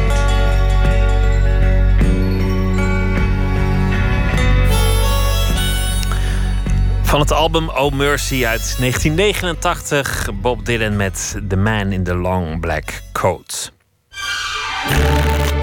Open kaart. De rubriek heet Open Kaart. De gast trekt kaarten uit een bak en daarop staan vragen over werk en leven. De gast is schrijver en vertaler Paulien de Bok. Het jachtseizoen begint in Nederland. En uh, Pauline haalde in 2012 in Duitsland een jachtdiploma. Daar woont ze ook. En dit is alweer haar uh, tweede boek dat gaat over het onderwerp. Het is uh, literaire non-fictie. Buit heet het. En het gaat over vier seizoenen leven en jagen vanuit een verbouwde koeienstal in het oosten van Duitsland. Hartelijk welkom, uh, Paulien de Bok. Een jachtjaar. Als je zegt plezierjacht, gaat het meestal over, over bootjes. Maar, maar ja. soms ook over, uh, over het schieten van dieren. Wat, wat is dan, dan het plezier? Wat is het mooie daaraan? Nou, ik zou ten eerste dat woord nooit gebruiken. Plezierjacht? Nee, want het is een framing van de tegenstanders van de jacht. Net, net als bloedsport? Of is dat ja. wel iets wat, wat, je zelf gebruikt? Nee, ook helemaal niet. Hoe, hoe noem je nee. het zelf? Ja, ik noem het gewoon jagen. Gewoon jagen. Ja. wat, wat is, het, wat is het, het, het, het, mooie? Waarom doe je het? Het mooie vind ik vooral dat je een, um, helemaal in de natuur bent. En opgaat in het landschap. En uh, op een heel andere manier dan wanneer je uh, wandelt of, of, of tochten maakt. Het is geen decor meer, maar je maakt er onderdeel van uit. En... Um, ik hou er heel erg van naar dieren te kijken. Mijn vader uh, was dierenarts. En um, ik kan echt uren naar dieren kijken. En eigenlijk steeds meer, hoe meer ik er vanaf weet... en hoe meer ik er naar kijk, hoe sterker dat wordt. En ook omdat het wild ons ook een spiegel voorhoudt. Ik zie ook heel erg een, steeds meer... Um, um, dat wij als mensen ook zoogdieren zijn. Dat we, Voel je dat ook tijdens de jacht... dat bij jou instincten naar boven komen? Dat, dat je deel uitmaakt van... van dat wild zijn? Dat, dat je zelf Ja. ook een, een soort jachtinstinct krijgt, als een kat of een, of een ja, lama? nou, ik beschouw de mens eigenlijk, of niet bij iedereen is het natuurlijk niet even sterk ontwikkeld, maar de mens is eigenlijk is de facto ook een predator. Van oudsher ook. En ik merk bij mezelf ook dat ik. Zo, zodra ik in een kansel zit, dus in zo'n in zo'n eh, eh, hoog eh, hutje, zo'n hutje op poten. In Nederland heb je die nauwelijks, maar in Duitsland zijn ze overal. Dan ehm, is het heel, dan ben ik vanzelf heel stil. En, ehm, en zodra ik wild zie, dan verveel ik me geen moment meer. Dan is het misschien ook wild wat ik niet mag schieten. Want ik mag lang niet alles schieten en lang niet op elk tijdstip en zo. Of soms is het ook te ver weg. Of er zijn allerlei redenen waarom je wild niet schiet. Maar dan ben ik ge, ehm, ja, gevesseld, hoe zeg je dat? Eh, dan, dan trek mijn blik daar naartoe en kan ik gewoon uren kijken. En, Loeren, eh, zoals, ja. zoals, een, zoals een leeuw dat zou doen. Ja, ja, ja. Maar, maar als je kijkt naar, naar. Want je zegt, ik weet er ook veel vanaf van die dieren. Dat moet ook om, om te kunnen jagen. Kijk je, kijk je dan ook precies van. Oh, dit is een mannetje, dit is een vrouwtje, dit is een jonkie, dit, deze is gewond. Ja, dat moet je ook weten, want da- daarvan hangt het er voor vaak ook af of je een dier mag schieten of niet. Dus dat moet je al weten. Maar ik kijk ook ehm, naar gewoon hoe ze zich gedragen, hoe ze spelen, hoe ze paren, hoe ze, eh, hoe ze wegrennen, hoe ze, ehm, hoe ze in de roedels eh, zich tot elkaar verhouden. Ehm, soms zie je een vos en een, en een, en een ree. Of, eh, dan zie, en, dan, en dan je kunt ook ehm, bijvoorbeeld zien aan een haas of er een ander beest aankomt. Want een haas die zit heel, heel vaak zit er een haas zo bij mij in de buurt van mijn kansel. En dan in tijden dat ik ook helemaal geen hazen mag schieten. Bovendien heb ik meestal dan alleen een kogelgeweer bij me en daar schiet je geen haas mee. Want daar hou je niks over. En ehm, dan zie ik dat die haas onrustig wordt. En denk ik, oh, er komt vast iets anders aan. En dan komt er ergens een vos aan of zo. En, dan, en het is dan zo leuk dat je daar zit. En ze hebben je niet in de gaten. En eh, je kan het allemaal gewoon zien wat ze doen... terwijl ze zich onbespied wanen. Dat is echt geweldig. Waarom een geweer en niet een camera? Want je, je zou het ook kunnen fotograferen. Ja, ja dat is omdat ehm, ik ook heel erg eh, de mening ben toegedaan dat wij mensen ehm, ook vleeseters zijn. En ehm, ik het heel eigenlijk steeds normaler begin te vinden dat als, ik daar in de- als er genoeg wild is, dat ik daar af en toe een beest uitschiet. En het heeft ook een heel, ehm dan moet ik wel zeggen, een heel anders, een hele bijzondere. eh, er gebeurt iets heel bijzonders als je, als je, gaat, eh, als je een beest gaat schieten. Dan, dat is een moment waarop alles, zo, alles samen uren van... Je zit uren in zo'n kansel. Hè. Ik zit soms wel vier uur voordat ik iets eh, kan schieten. En dan... ehm, of heel, meestal zit ik dat, dat ik niks schiet zelfs, maar af en toe dus wel. En dan kan het ook lang duren. En dan ben je al die, al die concentratie. En dit is een soort heel medit- meditatief ook dat je daar zit eigenlijk. Maar toch ook heel geconcentreerd. Ik denk aan niks anders dan daar zijn. Ik ben helemaal daar. En al die energie culmineert. En die, ja, die komt dan samen in een schot. enorme spanning. En in een, ook, ook omdat ik toch ook altijd bang ben dat ik het niet goed raak, het beest. En ehm, nou, dus het, ik, vind, het- ik vind het ook altijd nog spannend. En dan, ehm, dan moet je, ja, je raakt gewoon eigenlijk buiten jezelf een moment. En daarna, dan, dan, dan begin ik, krijg het ontzettend warm. En dan, dan voel je gewoon dat in je lichaam zoveel gebeurt. Heb je, ook, heb je ook wroeging als je kijkt naar het haasje, eh, zwijntje, eh, hertje? Ik bedoel, de wildstand die wordt gecontroleerd. En er zijn natuurlijk heel veel rationele argumenten. Maar dat is nog iets anders dan wanneer je het doet en hoe het voelt. Nou ja, ik merk, kijk, ik kom natuurlijk eh, van het platteland, maar ik kom ook uit de stad. Ik, heb ook, ik leef ook heel lang in de stad. Ik le- leef ook maar voor een deel eh, op het Duitse platteland, voor het andere deel in Amsterdam. Maar ehm, ik, dat maakt wel degelijk uit. Maar dat is ook wat ik in mijn boek onderzoek, mijn eigen sentimentaliteit. Want waarom vind ik het soms moeilijk om een jong reebokje te schieten? Maar een jong zwijn vind ik veel minder moeilijk, omdat die minder aaibaar zijn. En dat vind ik eigenlijk ook weer heel onrechtvaardig. Maar goed, er zijn ook mensen die, die zeggen nou dat je, dat je dat kunt doen. En die dan de volgende dag gewoon naar de supermarkt gaan. En, en dat, datzelfde wild vlees uit het schap halen en het plastic eraf. eh, dat soort hypocrisie komt in alle gradaties voor. Ja, maar ik vind, kijk, als mensen. ehm, ehm, mensen hoeven het niet zelf te kunnen. Ik vind niet dat iedereen het zelf moet kunnen, maar ik vind. Ik heb. ehm, en iedereen mag vinden dat ik. Nee, niet iedereen. Mensen die vegetarisch zijn, die kunnen tegen mij zeggen van... ik vind het echt bespottelijk dat je dat doet. Maar iedereen die vlees eet, en zeker mensen die eh, vlees eh, uit de bio-industrie eten... die moeten hun mond houden. Maar dit- nu zitten we op het pad der ratio. Ik, wil- ik Ja. wil het pad van, van het gevoel. Je richt, je legt aan, je schiet, je loopt er naartoe. Je ziet dat het, dat het beestje het leven heeft gelaten door die kogel. Ja, ik heb ook wel eens. eh, het is er wel eens voorgekomen dat ik een reebokje heb geschoten. En het was een heel mooi beestje. En eh, toen had ik het geschoten. En toen moest ik het even zoeken, want eh, hij lag iets verder. Want ze springen vaak nog een stukje weg. En hij lag eh, tussen de brandnetels ergens. En ehm, toen dacht ik, waarom heb ik dat beestje eigenlijk geschoten? Waarom heb ik hem niet laten leven? En dat toen, eh, die één keer kan ik me echt herinneren dat ik daar echt wel een tijdje moeite mee had. Dat ik helemaal niet blij was.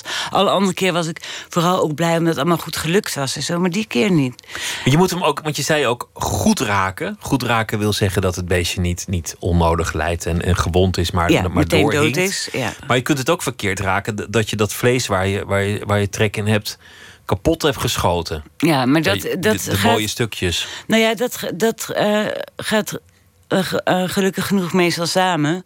Als je het goed raakt, dan raak je dus ehm, eh, in de buurt van het hart.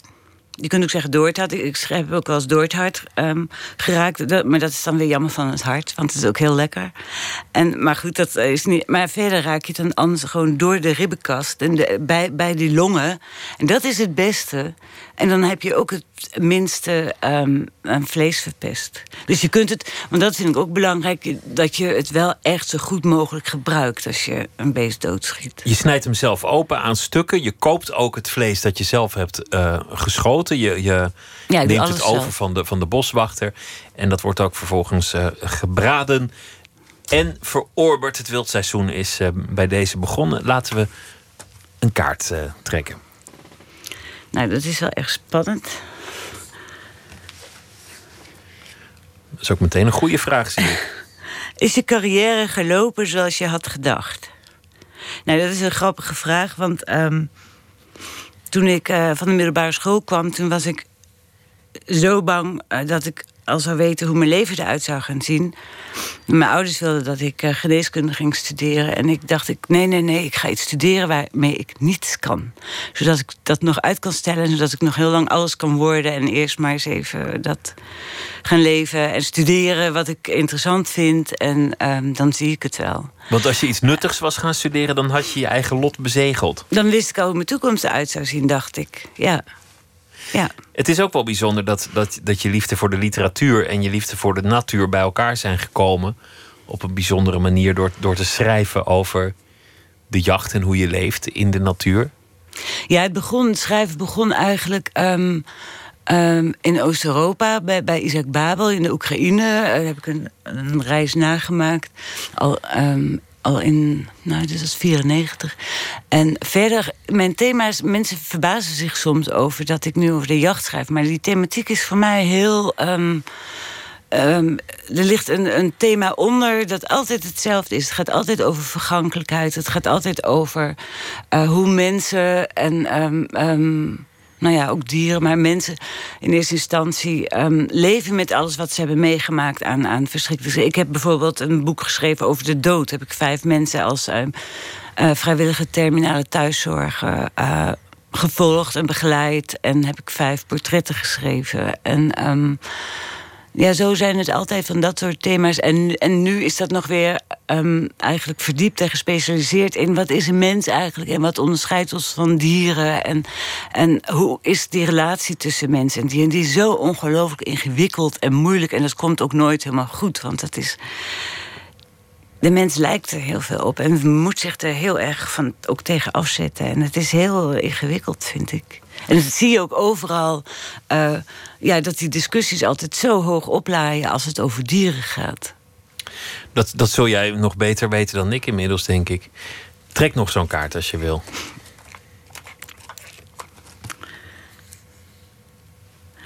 Welke beslissing zou je het liefst terugdraaien? Nou, dat zou ik nou echt niet weten. Ik ben niet zo van dingen terugdraaien. Ik denk altijd. eh, alles wat, ik, wat in mijn leven gebeurt, dat. eh, daar weet ik weer, moet ik weer een, een vorm voor weten Dat is te weer een vinden. nieuw En dat- beginpunt. ja, en dat is ook, eh, doet er niet zoveel toe wat er gebeurt. Of wat je bes- uiteindelijk beslist. Het gaat er toch uiteindelijk meer om dat je leert om daarmee om te gaan. En daar over, wat, we, wat je overkomt en wat je lot ook is. Om dat ehm, in je leven te integreren. Zeker ook in de jacht, want een, een Ja. verkeerd schot kun je niet terugdraaien. Nee, nee. Laten we nog één zo'n vraag doen. Dan hebben we hier... Oh, mijn bril, wacht even. Wat vind je lelijk aan jezelf? Ah ja, zoveel, maar hoe ik dat nou hier moet gaan zeggen.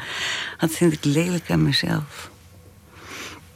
Vind ik, heel- ik vind het eigenlijk ook een rotvraag. nee, neem dat een is ander, joh. Vind, moet moet ik je daar iets mee? over mijn uiterlijk gaan zeggen? Dit of dat? Heb ik ook eigenlijk helemaal geen zin Nee, in. zou ik ook niet doen. Voor de radio ook nog. Kunnen mensen niet eens kijken of het onzin is. Wie neem je niet serieus? Hm. Tja. Vind ik ook een moeilijk. Dat- Dat dacht ik al dat het zo zou gaan. Dat ik op heel veel vragen niet zo eenduidig antwoord zou weten meteen. Ehm, ja, ik kan net zo goed zeggen van dat ik eh, ehm, heel veel mensen niet serieus neem. En dat ik iedereen serieus neem. En ergens ertussenin. eh, want het is eh, een vraag. ehm, in principe neem je andere mensen serieus. Tot een zeker punt. Tot een zeker punt. En ja, nou ja. Daarna maar dan meer. moet je ze toch nog weer. Kijk, ik kan heel simpelweg zeggen: ik neem Trump niet serieus of zo. Maar eh, nou, die zou ik me toch maar beter wel serieus kunnen nemen. Want als hij president zou worden, zou het wel. Dan weet niemand wat er gebeurt. Zo, dat, daarom is, ik vind het. Nee, ik, ga, ik zou het niet weten. Er komt niemand in me op. Nou, dan, eh, dan, dan, dan laten we het erbij. Het boek heet Ja. eh, Buit, een jachtjaar. Paulien de Bok, dank je wel. En heel veel succes en plezierig terugkeer naar Duitsland ook. Dank je wel. Een ding aan de liedjes van Bob Dylan is dat ze vaak zo lang duren. Niet echt het jukebox-formaat. Bijvoorbeeld het nummer Hurricane. En dat geeft ook wel aan dat het hem uiteindelijk ook wel heel erg om de woorden ging. Ging over het eh, verhaal van een bokser die ten onrechte werd veroordeeld voor een driedubbele moord. die hij niet gepleegd bleek te hebben. Rubin Hurricane Carter. Het nummer heet Hurricane uit 1975. Thank you.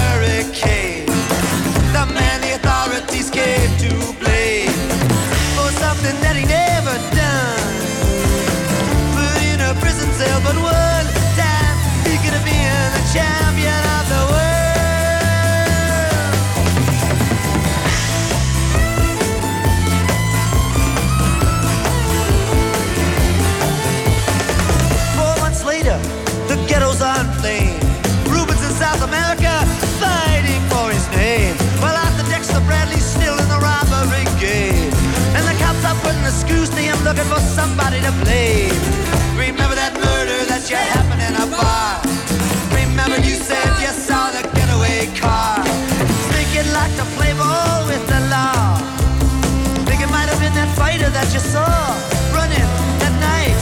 Don't forget that you are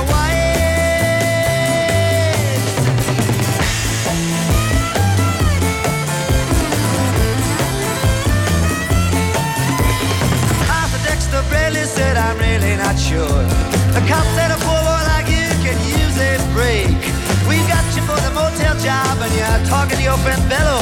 You don't wanna have to go back to jail, be a nice fellow.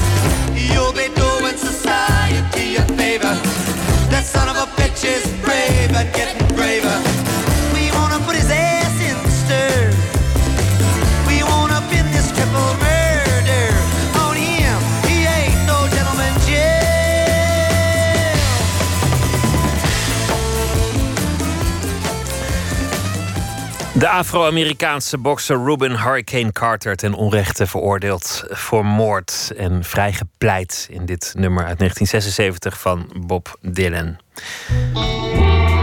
Nooit meer slapen. Hoe blijf je je hele leven samen? Hoe ga je dan om met je eigen en andermans demonen? Daarover gaat de voorstelling Demonen van Oostpol, toneelgroep Oostpol. Verslaggever Inge Ter Schuren spreekt elke nacht een van de hoofdrolspelers en vraagt hen naar hun eigen, de eigen demonen. En natuurlijk ook naar een recept voor het lange en gelukkige leven. Vannacht is dat Rick Paul van Mulligen. Je kunt alleen maar onzin uitkramen over anderen en over hoe goed wij het hebben. Is dat dan zo? Hebben wij het zo goed? Hebben wij het echt zo goed?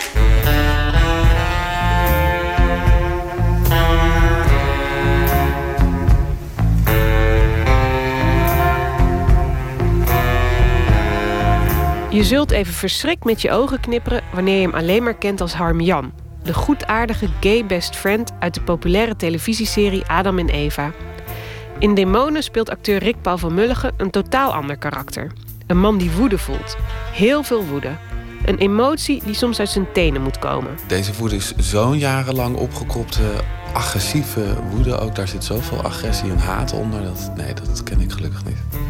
Dat vond ik ook heel moeilijk in het proces om dat ergens vandaan te halen. Kan je eens vertellen met welke demonen jouw personage te maken heeft? Uh, Thomas is mijn personage en hij worstelt met de relatie waar hij in zit. En dat ze zijn vastgeroest in uh, de sleur waar ze in terecht zijn gekomen. Ze hebben kinderen en uh, ja, ze zijn een beetje gevangenen in hun eigen leven. Van zieke kinderen hebben ze ook nog eens en de relatie is, gaat niet meer op een manier dat ze goed met elkaar communiceren over wat, hoe ze zich voelen. En kun jij je voorstellen dat jij ooit in een relatie in zo'n situatie belandt? um, nou ja, nee. Niet op die manier. Zij zijn zo ver erin geraakt dat ze elkaar kapot maken tijdens de voorstelling. Omdat alles eruit borrelt. Of eruit kookt eigenlijk. Zover zou ik het nooit laten komen, nee. Ik bedoel, ik kan me zeker voorstellen dat er een sleur ontstaat... en dat je langzaam in patronen terechtkomt... die misschien niet helemaal goed zijn voor de romantiek. Maar ik vind dat je vrij snel daar wat aan moet doen en moet blijven praten erover. Om dat, deze ellende in elk geval te voorkomen.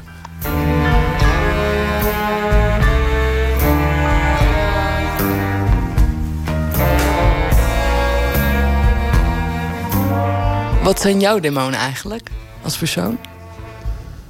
Uh, jeetje, wat binnen een relatie bedoel je dan, denk ik, hè? Um, nou ja, het zijn wel de demonen dat je moet blijven zorgen dat het spannend blijft. Of dat je in ieder geval blijft benoemen wat je waardeert in de ander. Want je raakt toch gewend aan hoe het leven is samen. Dat je niet altijd meer kijkt naar dat wat het zo bijzonder en mooi maakt.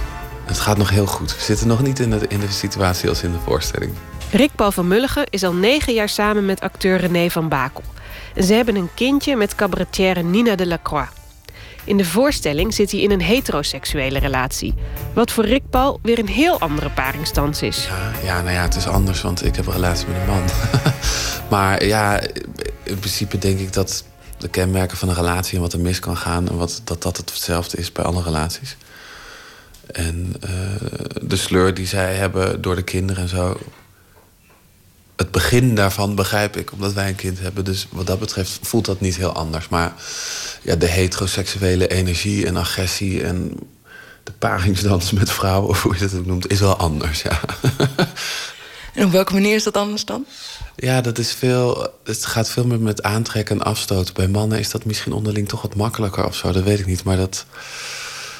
Ja, met vrouwen is dat volgens mij ja, is dat anders. Ja, ik weet niet. Dat gaat veel meer. Dat is veel meer een spel of zo, heb ik het idee.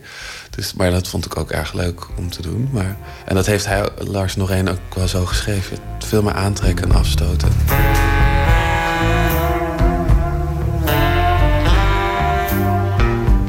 Demonen ging afgelopen weekend in première en kreeg al een aantal vier sterren recensies. Misschien valt het goed omdat het herkenbaar is voor mensen? Ja, en tegelijkertijd ook is het in zo'n extreme mate dat mensen er gelukkig volgens mij ook afstand van kunnen nemen. Waardoor ze heel erg kunnen zien, het is herkenbaar en tegelijkertijd kunnen denken, laten we dit in godsnaam niet ook bij ons laten gebeuren. Ik denk dat dat ook wel goed aan is, dat mensen heel erg voelen waar het over gaat en tegelijkertijd misschien ook blij naar huis kunnen gaan van, nou, dat hebben we. Zover laten we het niet komen, hè schat? Ik denk dat het goed is. En is dat ook wat jij eh, meeneemt aan deze ervaring? Ja, zeker. Ik vond het bij de première ook heel heftig dat mijn man in de zaal zat. Omdat je echt dan extra voelt, oh, dit, dit wil ik nooit echt meemaken. Zo afschuwelijk. En hoe, en hoe reageerde hij erop? Eh, ja, hij vond het ook wel heel heftig. Ja. Maar ja, gelukkig niet op een manier van... goh, ik herken wel heel veel, misschien moeten we praten. Dat was gelukkig niet aan de hand. Maar ja, het is zo'n emotioneel heftig stuk... dat iedereen met een relatie wel even moet slikken, denk ik. Dat je dat echt niet wil.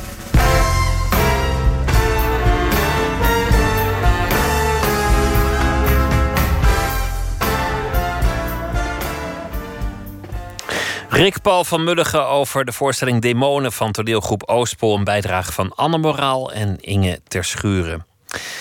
Een nummer van Bob Dylan dat ineens een hele grote hit werd in andermans uitvoering, namelijk in de uitvoering van Adele. Gebeurt wel vaker dat hij een liedje snel opneemt en dat iemand anders het moet afstoffen en het ware potentieel eruit halen. Een liefdesliedje, misschien niet textueel heel ingewikkeld, maar wel trefzeker. To make you feel my love.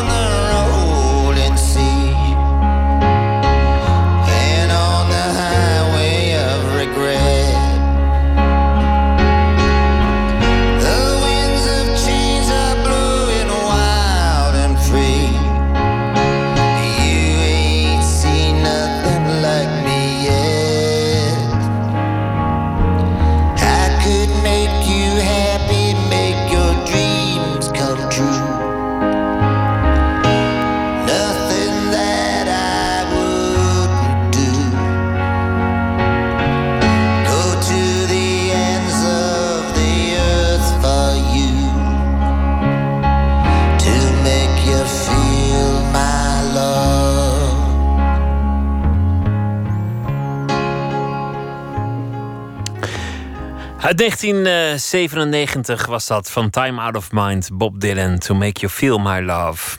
Nick de Vries is dichter. Hij schrijft in het Fries en het Nederlands. Deze week zal hij elke nacht een gedicht voordragen.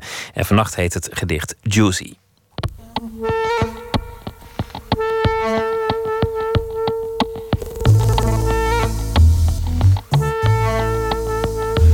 Juicy. Haar naam Juicy beloofde sappige gemeenschap. Dat viel helaas een tikje tegen. Maar het waren de jaren negentig. Er was genoeg te doen. Ik sloeg als een gek aan het dichten. Ik verloor me erin, zoals dat heet. Na een tijdje vond ik in het dichtcircuit zelfs mijn nieuwe geliefde. Haar naam was toevalligerwijs ook Juicy. Maar dat was niet het enige opvallende. Haar achternaam verschilde slechts één letter van die van mijn eerste Juicy. Eerlijk gezegd was ik er niet heel erg van onder de indruk. Het is iets wat alle dichters weten. De dingen gebeuren omdat ze rijmen. Ik ben geboren in Friesland en daarna ging ik studeren in Groningen. Daar kwam ik terecht in het uh, dichtcircuit. En deze gaat over het dichtcircuit. Ik zou kunnen zeggen dat ik dat meisje Juicy heb ontmoet. Ik denk dat ze een samenvoegsel is van mensen die ik heb ontmoet. Het is min of meer titelgedicht van mijn bundel... De dingen gebeuren omdat ze rijmen. En in die bundel zijn heel veel personages op zoek... om uit hun gedachtenwereld te breken. En dat is wel kenmerkend voor uh, mijn teksten, denk ik. Dat mensen denken dat ze er uitbreken... en dan even later blijkt dat het totaal niet het geval is. Ik ga het gedicht uh, nog een keer lezen. Juicy. Haar naam Juicy beloofde sappige gemeenschap. Dat viel helaas een tikje tegen. Maar het waren de jaren negentig. Er was genoeg te doen. Ik sloeg als een gek aan het dichten. Ik verloor me erin, zoals dat heet. Na een tijdje vond ik in het dichtcircuit zelfs mijn nieuwe geliefde. Haar naam was toevalligerwijs ook Juicy. Maar dat was niet het enige opvallende. Haar achternaam verschilde slechts één letter van die van mijn eerste Juicy. Eerlijk gezegd was ik niet heel erg van onder de indruk. Het is iets wat alle dichters weten. De dingen gebeuren omdat ze rijmen. De dingen gebeuren omdat ze rijmen. Het gedicht Juicy van Nick de Vries was dat. Morgen dan is hier te gast Joost Zwarte, striptekenaar. Hij is uh, begonnen met een nieuw striptijdschrift. Die eerste editie verschijnt morgen, Scratches. Wens ik u nu een hele goede nacht en heel graag weer tot morgen.